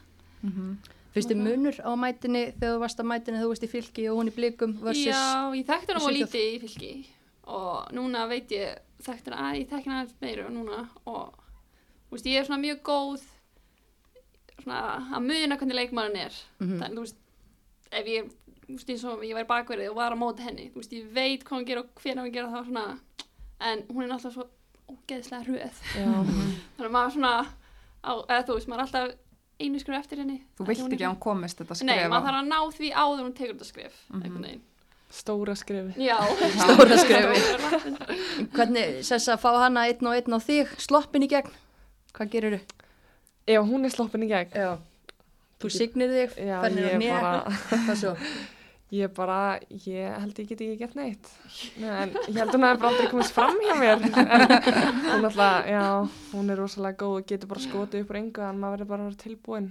Já. Og svo erfitt að verjast yngustunum, finnst mér. Já, tölum ekki um þau, sko. Já. Skil hvað þetta er hægt, svona langt. Nei, og líka bara þó svo að við vitum að yngastið er að fara að koma þannig þá Já. er bara alltaf erfitt að Mm bara á ég að fara út í hann og ég ekki fara út í hann þetta er verið svona aðeins verið í sig Einmitt. Já. Algjörlega, viljið þið mótmæla þessu? Nei, nei, hún átti þannig að skilja. Já, kannski bara mótmæla á ekki númer eitt, eða ég veit ekki Það eftir, það fer eftir hvernig maður Já. sko. Ég, Já, það það er knattspindu konar ársins hjá heimaöllinum. Hvernig lítur þetta? Þetta er rauður Rauður áti. áti. Rauður áti. En þetta er bara eins og heina tvær, bara hún er í hæsta geðaflokki, hún vann sænsku deildina áður hún fór, hún var alltaf í öllum fyrirsögnum Við uh, umferðarnar áskrifandi þar. og bara hún var einn allra besti deild, leikmaður deildarinnar í Svíþjóð þegar hún var þar. Um, Keifti við til bæjarn, já, risaliðs bæjarn, við erum að tala um glótisi perlu lengi að þessu? Ég var að gera það spennandi. En þú veist, hvað hefur hún spilað? Hún hefur spilað, er hún ekki komin yfir 100 leiki? Jú. hún, já, Eða ekki, nei, er tæft. já 98 eða eitthvað Hún er alveg að koma. já, Já. en hún er allavega búin að bara 26 ára gömul, hún Já. er, já, já, gömul þér, Já. búin að vera í þessu Hún er mjög lengi í. enda laust. Mhm. Já, alvöru leiðtói, Mhm. myndi ég segja Er það Ég held ekki? það svona leikmaður sem hún vilt hafa í þínu liði, sko. Já, og líka bara innanvallar og Mhm. utanvallar Algjörlega. bara ótrúleg sko Og kannski sem varnamaður fær hún ekki sömu fyrirsagnir og, og sókna menn. mm Það er bara þannig og sem er mjög leiðilegt þetta. en þú veist, mér er svona ég þetta sannlega skilja, mér er svona að, bara döllu góð og mér er svona með eiga að fá meir umfyllin. mm Þóttum sé varnamar. Að því þú veist, -hmm. að því að maður skorar það fær maður meir umfyllin, það er bara þannig. Já. -hmm. En þú veist, þóttum sé varnamar og átt góða leik, þá veist maður er Já. Við skoðum líka kannski landsleikinu á árinu, það kannski erfitt, þið þurfa Mhm. ekkert að blanda ykkur í það, en mér finnst þú búin að vera Hún er besti Já. leikmaðurinn Já. okkar Já. heilt yfir, hún hefur, þú veist, valla skrif, stigið feilspor og það hefur þá verið Mhm. eitthvað örlítið hænuskrif bara þegar allt liðið var í hérna Mhm. einhverjum, Mér finnst hún bara alltaf við að góða leiki. Já, Já, og líka bara- bara stýrir bara öllu Já. í kringum sig Já. og talar hún mikið, er hún já, hún, bara, talar aldrei mest. ég held hún bara hættir aldrei og sko ma, ma, nei, ég hef aldrei heyrt hann bara Nei. ekki tala. Sem bara gott. Einmitt, þannig viltu örgla hafa þetta þegar þú Já. ert að spila í vörninni það er mjög þægilegt Já. að spila með henni mm og já, 97 landsleikir. og hún er orðin er það ekki bara, hún getur orðið eins og besta Já. Bara eins og besti verðamæður bara í heimi. já, já, já, Eða svo besta bara. einmitt, hún er, þú veist, bara 26 ára þannig að, eftir hjá henni. Mhm. næðu tími Viltu mótmæla þessu sessa? nei, ég mót ég mót vel þess ekki þannig að Glótis Perla Vikkosdóttir er knattspundukona ársins Rauður áti. rauður háklassa áti en hérna, já, árið tu- 2022 að byrja Mm -hmm. Já, þú veist, nei, ég veit það ekki. Ómikrón út um allt og... Jú, jú, þetta, þetta verður gott ár er ekki fó, bara, ef við lítum yfir fótbollalega séð þá eru þið spenntar? Já, ég held að þetta er mjög skemmtilegt ár. Já. Ég get alveg sagt það. samanlega Mhm.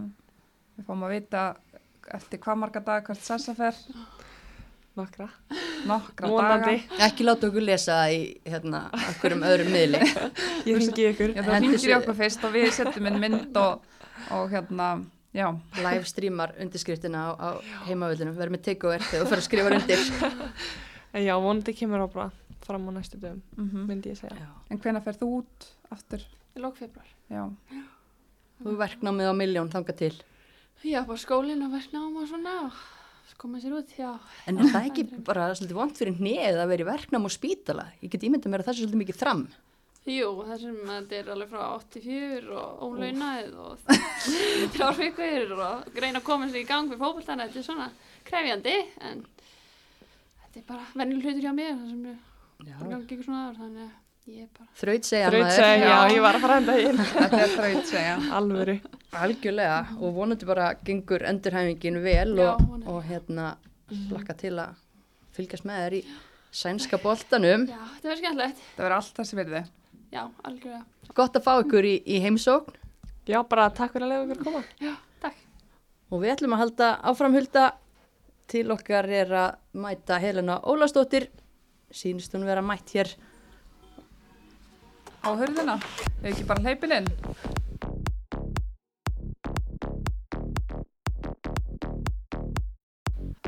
Helena Ólastóttir, velkomin til okkar og gleðilegt nýtt ár Gleðilt ár og takk fyrir að bjóða mér. Það er mikill heiður að vera hér. Loksins. Já, loksins, því að ég rataði vallinga. Nei, við höfum tekið þetta í símanum hérna Já. að ringa til Já, það er akkurat málið en hérna gaman að vera komin og, og eins og segi mikill heiður og, og ég er bara að verða hrós ykkur fyrir það sem að þið hafi verið að gera hér. Mér finnst það alveg magnað og, og, og allt það og við kannski komum að því á eftir en, en þetta er alveg, hefur gríðarlega áhrif fyrir bara ungar stelpur í fótbolta og, og bara okkur gömlu líka. Ég meina við viljum fylgjast með öllu og hér fáum við vettvang til þess.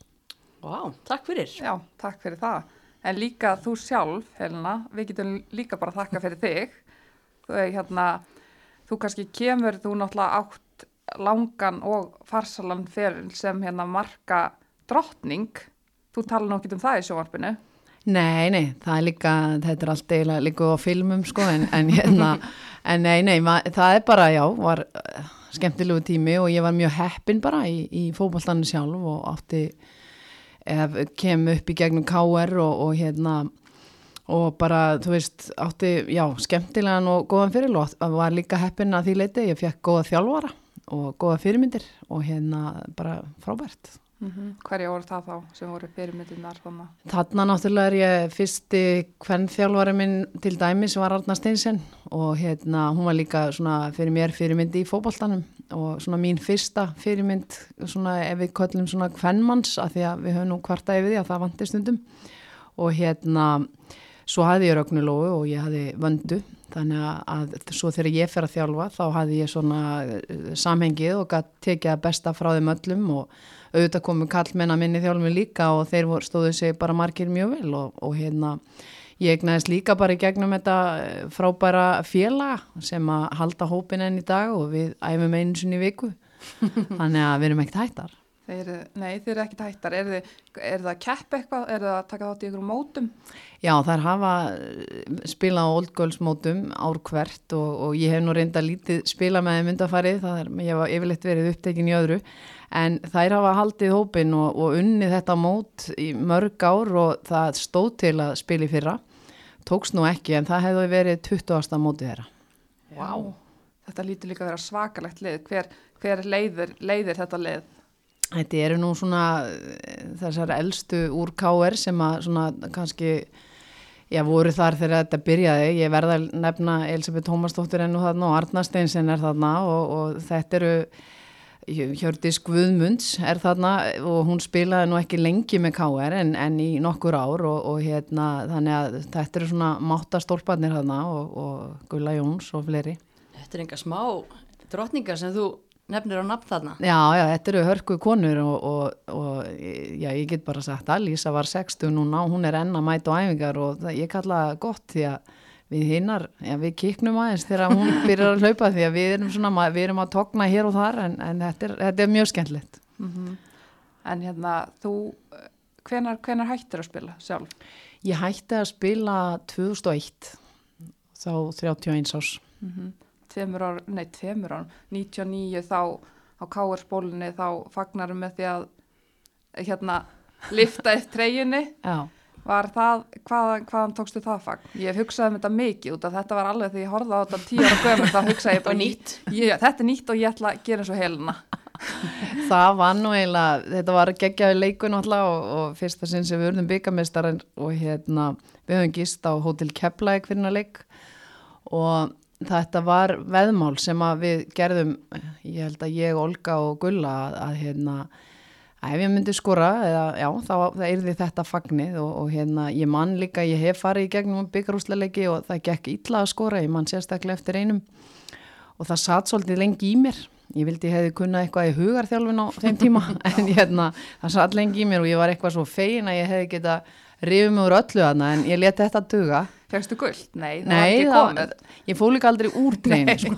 En það var, það var, var ekki næg toppur? Fegstu vel borgað frá næg? Nei, svo, svo kannski klikkaði það aðeins maður hefði aðeins þurft að pæli því Já. en hérna, nægtoppur ég á svo heppin að vera í honum það minnaðandir hérna, þannig að þetta bjargaðist En hérna, já, þetta er eftirminnilegt, en hérna, hvað kemur svo til að þú ferð í sjónvarpið? Er það, hvenær byrja bara sjónvarps ferillin?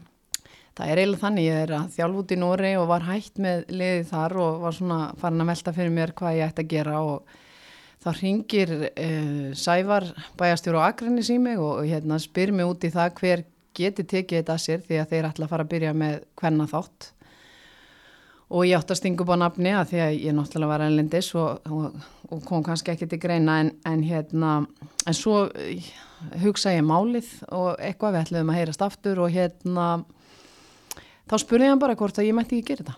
Pepsi Max-mörkin þá? Já, Já, Pepsi-mörkin Já, já, Pepsi- já, já, Pepsi það, Max. eiginlega, það er uppað mitt í sjónvarpi. Ég hafði aðeins áður verið með rúfurum að hérna fjalla um umferðirnar svona eftir þær.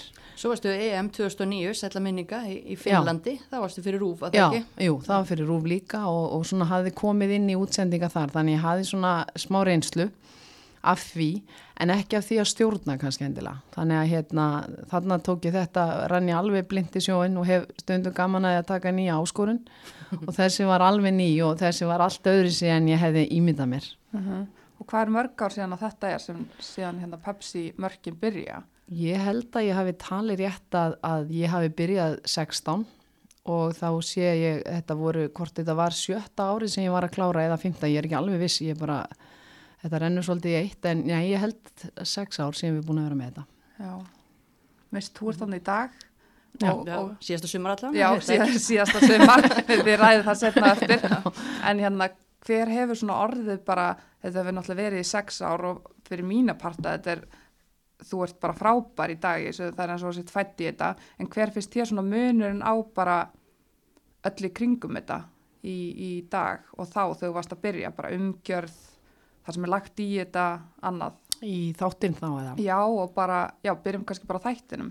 Sko hann hefur náttúrulega breyst töluvert síðan við byrjum og með því að festan kannski eins og núna það var prófað í, í fyrra að, og hitti fyrra að festan á eitt kvöld og það svona og kannski við fengum svolítið tækifæri manni ekki í fyrra sumar heldur þar áður að, að því að þá var nú COVID svona í alglemingi og mótið náttúrulega slaufað á annað. Þá fengum við svolítið, við fengum að halda okkur inni þrátt fyrir að væri kannski ekki umferð og, og það svona þetta svona hefur undið upp á sig, það hefur orðið meira að gera í þessu og, og svona bara mér finnst stöðin leggur metnaði í þetta og, og eins það kannski að við erum farin að taka fleiri leiki eins og bara undibúnsleiki, við erum byrjað að taka lengjuna og annað þannig að þetta er bara orðið meira og, og hérna alveg kröfur og, og hérna en svona já, miklu meiri kringum þetta og bara virkilega skemmtilegt verkefni. Algjörlega. Svo ertu komin líka, þú ert líka með beinar útsendingar þegar landsleikir eru. Já, svo hefur það verið og, og, og hérna meðan að við heldum því þá, þá vorum við náttúrulega út á velli eða, eða með fyrirleik og í hálfleik og eftirleik og það er virkilega skemmtilegt. Við hefum líka verið náttúrulega með byggarinn og hérna þetta er svona, já, þetta er bara skemmtilegu vettvangur og það er náttúrulega ekkert skemmtilegur en að vera með gott fólk í setti sem, a, sem að hefur mikið vita á þessu því að ég segi alltaf ég þarf ekki vita neitt, ég spyr. En hérna, en það er svona þú veist, það myndast skemmtileg kemistri í þessu og þetta er líka bara eins og fyrir mig þetta heldur manni bara vel inn í þessu og mann langar það. Og og það er bara svo frábær þróun í bara kvennaboltanum og, og allir umgjör hér og, og erlendis. Nú er ég með eina spurningu sem er datt bara í hug núna. Finnst þér að það breyst bara svona eins og þegar þið voruð að byrja? Það var kannski svona, eh, fólk var ekki vant um fjöllinni, eh, knattspindu konum kannski ekki vanar að fá gaggrín og svoleiðis. Finnst eh, þegar við hafa tekið skref fram á því að það bara það má gaggrína meira og það má, þú veist, hva, hvernig get ég útskýrt Bara það? segja segja bara, hvern, hvernig hlutinir eru, skilur Já, já, þetta er svona, uh, við erum ekkert kannski í þessum þætti endilega að reyna að vera leiðilegar eða þannig, en hérna við höfum svona verið gaggrinnar og, og sagt kannski og, og svona við höfum bara reynda mitt eins og segir að, að koma því á framfæri sem okkur finnst kannski að og, og hvað liðin með að bæta. Þetta er þetta bara pælingar í okkur því að við erum ekki á baku tjöldin og vitum ekkert hvað er að gerast. En mér finnst svona, já, mér finnst fólk ekki eins viðkvæmt fyrir því, við megum segja það sem að, eða megum allavega láta að koma fram. Jújú, jú, maður hefur alveg fengið SMS eða eitthvað skilafóðum það að þetta sé svona hins eginn en, en þannig er það bara, þannig er þessi heimur og, og þetta er ekkit já og amenleikur, það er, það er ekki allir sammála. Einmitt, við hefum nú líka fengið SMS og svona en það er hérna, það er líka það sem að þetta gengur út og ég held líka bara að þú veist, leikmenn vilja þetta, þeir vilja, þeir eru komnar bara á þetta level, þeir vilja gaggrinni, þeir vilja bara að þetta sé á standard sem að bara sé hægt að tala um og megi tala um því að annars komist við ekki lengra eða nokkuð. Nei, nei og þú veist, þetta er bara, bara þróuninn og, og það, fólk það líka bara að vera sangjart í sinni gaggrinni og Já, ég já. veit ekki betur heldur en að Helena og, og Kó hafi verið það. Já, já, þetta er alltaf eh, matsatriði og við höfum tekið líka fyrir þjálfara og, og svona pælt í því hvað þeir eru að gera og auðvita að því að maður hefur verið þeim með við borðið finnst manni það stundum hund og ósangjönd það því að fólk veit ekkert eins og ég segi hvað gerist á baka tjöldin.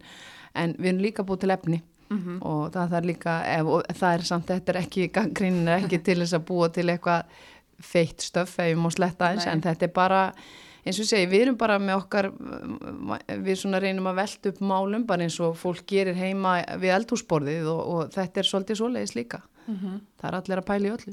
Já, já, þegar verið að- sína þetta frambúð efni, þetta skapast umræður og það er bara frábært að sem flestir taki þátt í þeim. algjörlega og þetta er bara eins og ég segi mjög, mjög skemmtilegt. Já, og hérna, hvað, hérna, hvað meira, mist, ég er, ég, ég er ennþá með hangikjöts, jóla, aðtiklisbrestin, Já, nei, bara ég meina það er gaman að fá heilunni hinga og við náttúrulega fáum því kannski hinga til þess að svona velta fyrir okkur síðasta ári, það var hérna smá senkun á, á áramóta þættinum okkar út af svo allu en það er allt í góðu og, og hérna okkur langaði að fá konu sem veit hvað hún syngur til þess að svona fara aðeins yfir hápunta síðasta árs og þá er aftur komið við bara þinni skoðun og, og hvað myndir þú svona segja ef þú horfir tilbaka á þetta fótbolta ár sem var að líða? Hvað finnst þér að hafa staðið upp úr? Það var náttúrulega í raun og veru að Valur skildi taka titilinn og kannski eftir þess að erfiðu byrjun á móti blikunum sem að kannski margir hafa að tala um að, að það þurfti svolítið til að snúa hvað þessi leikur á að hlýðrenda endar hvað 7-3 og þá held ég einhvern veginn að blikarnir væri að taka þetta og, og, og eða svona myndu stjórna þessu sumri en svo síndi Valur einhvern veginn, tölunum mikið um rútuferðir og það hefði eitthvað gerst og það gerðist eitthvað, maður veit, eða bara sá það. Og að þær skildu vinna titilin aftur fannst mér svona, já, það var svona stert fyrir þær.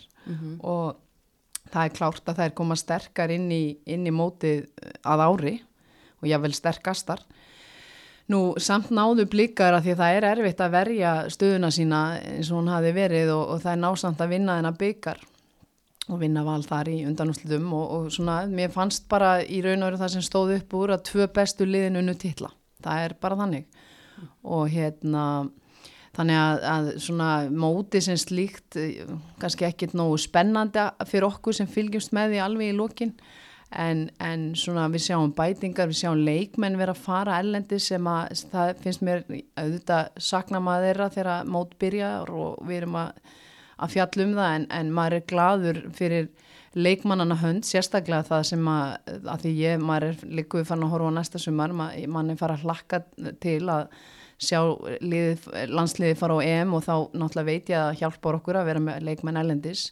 Mér fannst líka standa upp úr bara landslið því að ég held að ég geti sagt að mér hafi aldrei fundist það einspennandi eins og akkurat núna. Og það sem mér fannst líka standa upp úr er þetta Evrópu æfintýri blikana.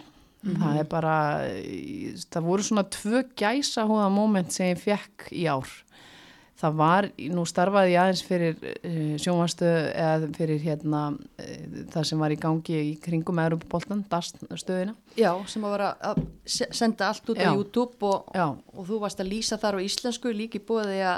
Heyra ensku og, og svo En við tungumál. íslenskuna, við vona Sjálfsögðu.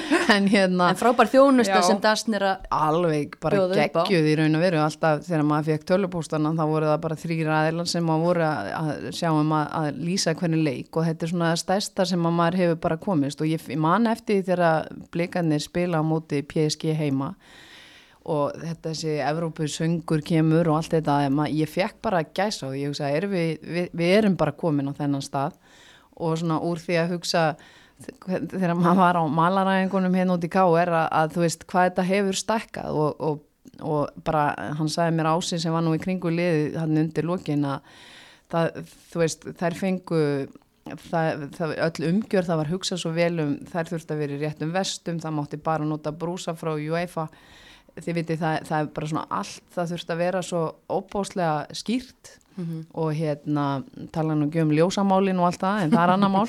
En bara þarna einhvern veginn gerist eitthvað mér fannst þetta alveg rosalegt. Hitt mómentið var kannski á landsleik þar sem ég er áhórandi að því þá var úfkomið með, með hérna, umfjölluna var ekki fínt að vera bara upp í stúku og slaka og njóta? Jú, það var bara virkilega notalegt. Ég var svo heppin að vera búin í heiðstúkuna og mér leiði mjög vel þar og það er svona öðruvísi, þú horfir öðruvísi aðeins á leikinn og svona, en þá var Svindis tekin út af og hún er tekin út af þannig að hún þarf að lappa hálfan völlin, fyrir út af sem sagt fjær stúkunni, aðalstúkunni. Og þegar hún lappar fram hjá stúkunni þá bara rýsa þarna margar ungar stelpur upp og ég hef eiginlega aldrei séð þetta, ég er bara einhvern veginn þarna og þú veist eflaust hefur þetta gerst áður en ég bara náttúrulega hef ekki verið þarna og það var svo gaman að sjá hvað hún var rosalega stór fyrir þessa ungu leikmenn og þetta eru svona moment sem að maður einhvern veginn glemir ekki. Mhm. Líka bara eftir þessa leiki þarna ég fylgdist með því bara þegar flautað af, þegar leikurinn kláraðist þá voru bara sko krakkar á öllum aldri og líka bara strákar að þyrpast þarna niður með takkaskona sína og bara allt rastli sitt Já. og láta það skrifa á þetta. Veist, þetta var ekkert svona fyrir nokkrum árum síðan. nei, þetta er alveg, þetta er náttúrulega bara nýtt og hérna og bara, já, þetta, þetta svona stóð upp úr í sumar fannst mér og hérna og svo að því að þið voru nú að nefna sjónvarpið þá fannst mér náttúrulega að ég tók þátt í EM Kalla og það er eitthvað stærsta verkefni sem ég hef fengið þannig að fyrir mér var það svolítið stórt í sumar. En hérna mér fannst bara svona í heildina fótbalta sumar að því ég nefndi nú aðna val og breðablikaðan þá fannst mér náttúrulega þróttararnir ofubóslega skemmtilegir og, og og hérna, já ég verði eiginlega rósa Nick fyrir það hvað hann er búin að gera þar og ég held ég hafi svo sem rósað hann nokkur sem áður en, en það er eitthvað, eitthvað að gerast þar sem að sem að svona er óvæntast kannski að því að, að við eigum alltaf vona á breyðablík og val.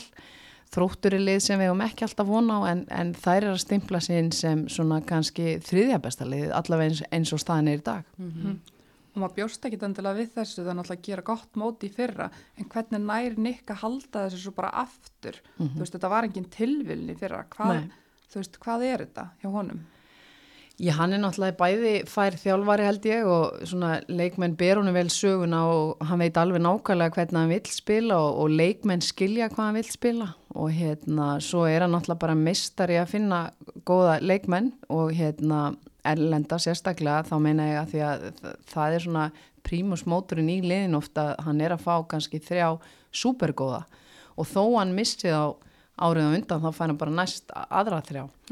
Og, og svo er hann náttúrulega með unga og efnilega þróttara sem eru mjög góðar líka í fótbolta og, og hann gerði, fannst mér vel í að fá Ólöfu Sigriði eða Ollu eins og við köllum hana á háréttum tíma fyrir sig inn í lið. En einmitt að því að hann hefur verið að taka erlenda leikmenn, nú sér maður í haust er hann búin að sækja þrjár unglingalandsliskonur íslenskar, hann er búin að náttúrulega fá Ollu yfir og svo er Freyja Karin komin að austan og svo Katla Tryggva aðeins yngri en líka bráðefnileg stelpa þýðir þetta að það séu færri erlendi leikmenn að fara koma í lögadalinn eða er hópurinn bara stækka? Ég myndi að halda, ég held að Nick stefni herra og ég held að þeim fækki ekki erlenduleikmannunum en hann er bara svona styrkja held ég íslenska hópin í kringu það. Og ég hef trú á því að, að þær muni bæta sig. Já, þetta er, alveg, þetta er áhugavert því að svona yngstu og efnilegustu hafa yfirleitt streymt í þessi tvö topplið hverju sinni. Þannig að, að það er svona Það er jákvætt, held ég, við getum sagt. Og hérna, sýnir líka bara að, að með hans vinnu að þá er hann líka að gefa leikmönnum trú á sig. Og, og hérna, það er ekk, út af ykkur sem að þessir ungu leikmenn vilja fara til hans. og hann sér náttúrulega eitthvað í ólögu sigriði, þú sást nú eitthvað í henni, þú fegst hana upp á skaga. Já, ég hérna, þetta bara var leikmaður sem að, sem að okkur þjálfarateiminu leist mjög vel á á þeim tíma og hérna, og ég hefði nú síðan í þriðaflokki spila upp á skaga og hérna, og hún klikkaði ekki þar, hún spilaði frábælega fyrir í að þennan stutta tíma sem hún var og mikill missir af henni þegar Valur fekk hann tilbaka sem ég skildi nú aldrei, en hérna, að því að hún var að fá svo mikla elskir þetta fyrsta suma sitt svona í fullorins fótbolta. En hérna hún tók hárétt skref þar með því að koma og, og taka þátt í þessu og hérna þetta var já ég, svona eftir það hef ég náttúrulega bara fylst vel með hennar ferli og ég, eh, þessi stelpa hefur alla burði til að ná langt Og er þetta ekki rétt skref hjá hann að vera eins og í þrótti, þarna fara hann að spila og, og bara fá mínútur í fullariðins fótbolta. Jú, mér finnst það um, af því að hún er náttúrulega uppalinn í val og, og það er náttúrulega engin önnur en Elin Metta í hennar stöðu og það er kannski ekkit auðveldast að byrja að keppa við hanna og, og mér finnst alltaf kannski synd þegar ég sé unga og efnilega leikmenn sitja á bekk og býða og býða því að það, það eru leikmenn sem að fara, ég getur nefnt þess og fylgir sem hefur verið duglegt að, að ná sér í, í unga leikmenn og eh, meðan að þú setur kannski á bekk eitt, tvö sumur meðan þú ert að mótast þá taka bara aðrir jafnaldriðinni fram á þér og, og það er kannski, það finnst mér sorglegt. En þú nefndir landslið á þann, þú sagðist aldrei hafa verið jafn spennt fyrir landsliðinu. Hvað er það við landsliði núna sem er svona spennandi? Ég held sko að við erum bara með svo, mér finnst við með góða blöndu, ungu leikmennir, maður sér þær taka framförum og, og nefni bara Karolínu Leu sem dæmi núna að mað, þó, þó að hún sé, að, sé ekki að spila kannski alltaf í byrjunarliði, hún er að koma inn á og hún er að æfa við topp aðstæður með frábærum einstaklingum og maður sér þetta og ég held svona unguleikmennir eins og ég segi þegar þær eru að byrja eins og hjá Jón Þóri þá, þá eru þær bara að taka fyrstu skrefin, núna eru þær bara já við getum miða við lítið badd sem að teku fyrstu skref, núna eru þær fartan að ganga eðlilega. En hérna Hlaupa. hlaupa. Og hérna, nei nei þær eru bara einhvern veginn liðið er bara góður lið mér finnst líka eftir að Þorstein tók við að, að maður sér svona hans handbrað á liðinu. Og mér fannst geggja þegar hann skipti bara út heilu byrjunarliði og, og gaf öllum tækifæri og ég held að það gerir það að verkum að við næsta sumar verðum miklu tilbúnar, við vitum alveg þegar við förum í lokakefni Evrópumóts að það koma fleiri en 11 til með að spila. Þó að það hafi stundum gengið upp kallamegin og spila á 11 þá held ég að við þurfum að vera með fleiri og líka kannski þá hefur þjálfarinn fleiri tækifæri á leikskipulæginu sínu og annað þannig að ég vona að Sara Björk komist á fulla ferð. Við erum eins og segi með svona reyndari leikmenn innan um glóti sem náttúrulega er frábær leikmaður. Mér finnst vörninn einhvern veginn þú getur ekki sagt hver á að byrja að spila þar. Því að hérna mér finnst til dæmis Guðrún stórkostleg þegar hún kom inn í þetta lið um, stelpunar hafa svona nýtt sensin og maður svona sér á leginu þeim líður vel kunna eða vita sín hlutverk. Og það er náttúrulega steina að setja þau upp en ég einhvern veginn svona svo náttúrulega er Sveindís að koma gríðarlega sterk og núna er hún að, búin að fá þessa eldskýrn hjá Kristjánstað, hjá, hjá Elisabetu og hérna, mér fannst, hún, mér fannst virkilega gaman að fylgjast með henni í sænskapoltanum í, í sumar en ég, ég hlakka ennú meir til að sjá hana með Wolfsburg núna og, og hérna, ég held að hún geta átt frábært mót í þessari kemni. Mm Algjörlega. Og eins og með Wolfsburg núna, fólk hefur verið að, þetta er náttúrulega rísa skref hjá henni, en er hún ekki bara að fara að stimpla sig þar inn? Það hefur ekkert stoppað hann að hinga til. Ég hef full að trú að hún gerir það og, og hún hefur einhvern veginn sínt að hún eh, náttúrulega er öskufljót og hún, það er ekki nóg að vera fljótur í dag. Þú þarft líka að kunna fara með boltan, hún kann að nýta færin. E, þjálfarin þar hefur nú talað vel um hana, hefur trú á henni þannig að jú, ég hef trú á því að hún fá alveg að spila og, og hérna, hún á bara eftir að bæta sig enn og meir. Algjörlega. 100% já algjörlega, þannig að þetta var þokkalega gott uh, fótbalta ár, heyrist mér Já, já, það var bara virkilega og það sem var svona, maður hræði mann aðeins fyrir næsta sumar eh, svona er hvort að þetta verði algjör einstefna, nú sér maður svona fyrir sér að, að blikar er að missa og, og hérna sem er svona gott og slæmt en hérna, en svona maður hræðist kannski að það verði eitt lið efst á topnum sem heitir Valur en ég veit það samt ekki, ég held að mörglið sé að bæta sig en ég gæti trú að bylið verði svolítið á millilegana. Já, svona ef maður horfir allavega bara á leikmanna glugga og, og svona síðasta sumar þá eru vísbendingur um að það geti orðið. Já. Hvað veit maður? Nei, nei, svo vitum við ekki neitt en eins og ég segi, það eru líka á móti að koma ungi leikmenn upp sem að sem að voru ekkert að byrja í gær, þær eru búin að spila upp alla yngreflokkana og það er náttúrulega líka það jákvæða að horfa bara á þessi mótöll sem er í gangi fyrir ungar stelpur. Hvað við eigum orðið mikið að stelpum sem byrja 6 ára í fótbolta en ekki 13 ára eins og þetta var á sínum tíma þegar ég var. Þannig að, þú veist, þetta er í grunninn, er, eh, tæknilega eru við orðna svo miklu betri og við sjáum það til dæmis á, á landsliðin í dag. Mm Einmitt, og þetta er, já, risastórt EM ára náttúrulega framöndan. Ertu búin að kaupa þið miða til Englands? Já, já, já, búin að því og, alla, sjá alla þrjáleikina, svo veit ég, já. Verða það ekki fleiri? Ég vona það, en, en það var allavega byrjunin, Já, það var að byrja eitthvað starf. One way ticket? Já, eða? já, já, eins og er, eins og er. Já, an annað er villisa. Já, já, það Það er bara, tikkert á fyrsta farlimi, það er, er það ekki? Það er þannig, ég minna, ég vil ekki bara vera einmitt bjart sín fyrir því móti líka, bara með að við eins og hérna dampin á landsliðinu eins og þú ert að nefna og, og svona stemningunni bara.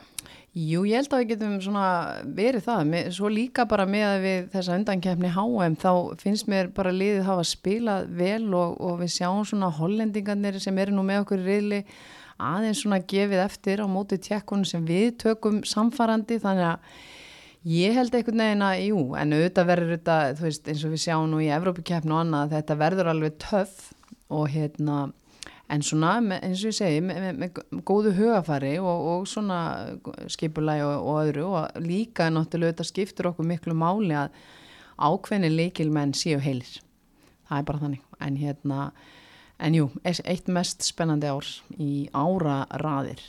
Ég held að, er það ekki hulda? Er þetta ekki bara, það verður veisla? Jú, ég bara gæti eiginlega ekki verið spenntari. Og við sjáum þig á skjánum næsta sumar, er það ekki? Jú, ég geri fastlega ráð fyrir því að, að hérna, við verðum náttúrulega fullu með Pepsi og, og hérna, vonandi ná við að stekka það eins og breyta og það svona er hugmyndin að, að, að bæta ykkur í nýjun, það viljum við alltaf gera. Mm Lýst vel á það. En hérna, í hverjum þætti þá veljum við alltaf heklu þáttarins og það er sérst hekla bílaumboð er hérna uh, með okkur og gerur okkur kleift að hérna velja alltaf konur sem að hérna er bara að gera framúrskarandi hluti utanvallar og bara er fyrirmynd og við værum til að ljósa þetta og við erum nú búin að velja heklu þáttarins hvað í ár, meira Eitthvað svoleiðis, Helena, þú varst nú heklan Já. okkar hérna á einhvern tímann fyrir Já. einhverju. Já, Já, takk fyrir Nokkra það. vikur. Takk fyrir að velja mig. Já, og sönn ánægja, en, en við ætlum að velja hérna aðra heklu í, í dag og, og það er líklega konan sem að þú þekkir aðeins því að hún kemur úr Vesturbænum einnig. Já, það komum margir það. mm Kom margir þaðan, Já, marga góðar fáar betri en, en þessi. Já, þessi er ekkert slór. Það er, það er hægt að segja, við hefum beðið með þessa þanga til núna. Út af það er ármótabamba og hún á skilið að vera tollerið þessi, þessi kona. En Helena, viltu segja okkur hverju þetta er? Já, það er hérna með við það sem þið sögðu mér þá er það, hérna, það Ásta Jónstjó, Jónsdóttir sem var uh, leiðstjóri lengi vel í, í Vesturbænum hjá okkur í meistarflokki KR og, og hérna hún er bara virkilega vel að þessu komin og ég veit um enga sem að hefur sint sínu starfi eins vel. Já, hún hefur, séð, hún hefur verið liðstöri segja hvenar. Hún byrjaði sem liðstjóri sennilega, þetta hefur verið 80 og ég, ég, ég man eftir henn 86 Já, og hérna kannski byrja hann fyrir og hún verður þá að leiðrétta með hún ásta og hún gerir það hún gerir það, hún ringir í heima síman. Já, ég, já, veist ég á enga núna en, en, en hérna en hún er allavega, hún, hún var upp yngri flokkana í Káir og var síðan hún náttúrulega mamma Sigriða Fanneðar og hérna fylgd okkur já, öll mín ár vestur í bæ Og hvernig, hvernig liðstjóri var þetta maður hefur heyrt, það var engin afsláttur hjá henni ástu. Nei, það var engin afsláttur og, og hérna, hún kom náttúrulega með í allar ferðir og það eru marga góða sögu til en, en það var nú yfirleitt þannig að hún tók hlutverk sitt alvarlega og þarna í þá daga þá náttúrulega ef að, ef að vantaði sokkapar þá var hringt í heimasíman Helena, veist þú að því ég var nú fyrirlega á þessum árum, veist þú hver það var sem að gæti hafa farið í sokkonum heim eða stuppugsónum, þetta var nú svona yfirleitt spurningin Svo man ég einu sinni eftir henni í æfingarferð og þá átti hún alltaf að vekja allavega, það var náttúrulega eins og ég segi engi gemsar hann eða neitt og hún átti að sjá um að vekja liðið á æfingu og við erum í svona húsum þannig að, að það voru allir með útidýra hurð á sínu svæði. Svo heyra allir að það er verið að banka og berja á einhverja hurð og aldrei fekk hún svar. þá hérna hafði hún verið á búningaherbygginu Hún var bara fest í því, hún hefði fundið lyktin af búningum og þá gæði ætla hún. Já, en allavega það voru, hún stóð eins og hetja og hérna og bara ótrúlegt hvað hún var duglega í raun og að líka bara elda krakkana sína í sínu sporti og, og, og diggar í stuðningsmann vestu frá er ekki hægt að finna því að hún er enn að mæta á alla leiki hjá mestrarflokk hvenna og hérna er bara, já, káur er ekkit án hennar. Nei, algjörlega. En er þetta ekki líka, þú veist að tala um áðan, þú veist, þennan vinkonu kjarnar sem hefur haldið hópin í gegnum öll þessi ár, ég menna hún fylgir ykkur hérna í rauninni út fókbaltaferilin, ég menna hún lítur eiga bara stóra þátt í því að hafa límt ykkur svolítið saman. Já, algjörlega og, hérna, og það er nú bara eins og ég nefndi náttúrulega Olgöls fyrir þættinum en, en hérna, hún er alltaf í kringum okkur og, og ef eru ammali eða einhverju stóri viðburðir þá er hún þar og, og það er bara, þú veist, maður, maður hérna býður vinkonu sínum úr gáður en ásta kemur líka alltaf því að hún er náttúrulega bara eina af okkur. Og Sigriður Fanni Pálsdóttir, dóttirinnar, hún er alltaf liðstjóri með yngri landsliðum Íslands, á hún eitthvað í mömmu sína?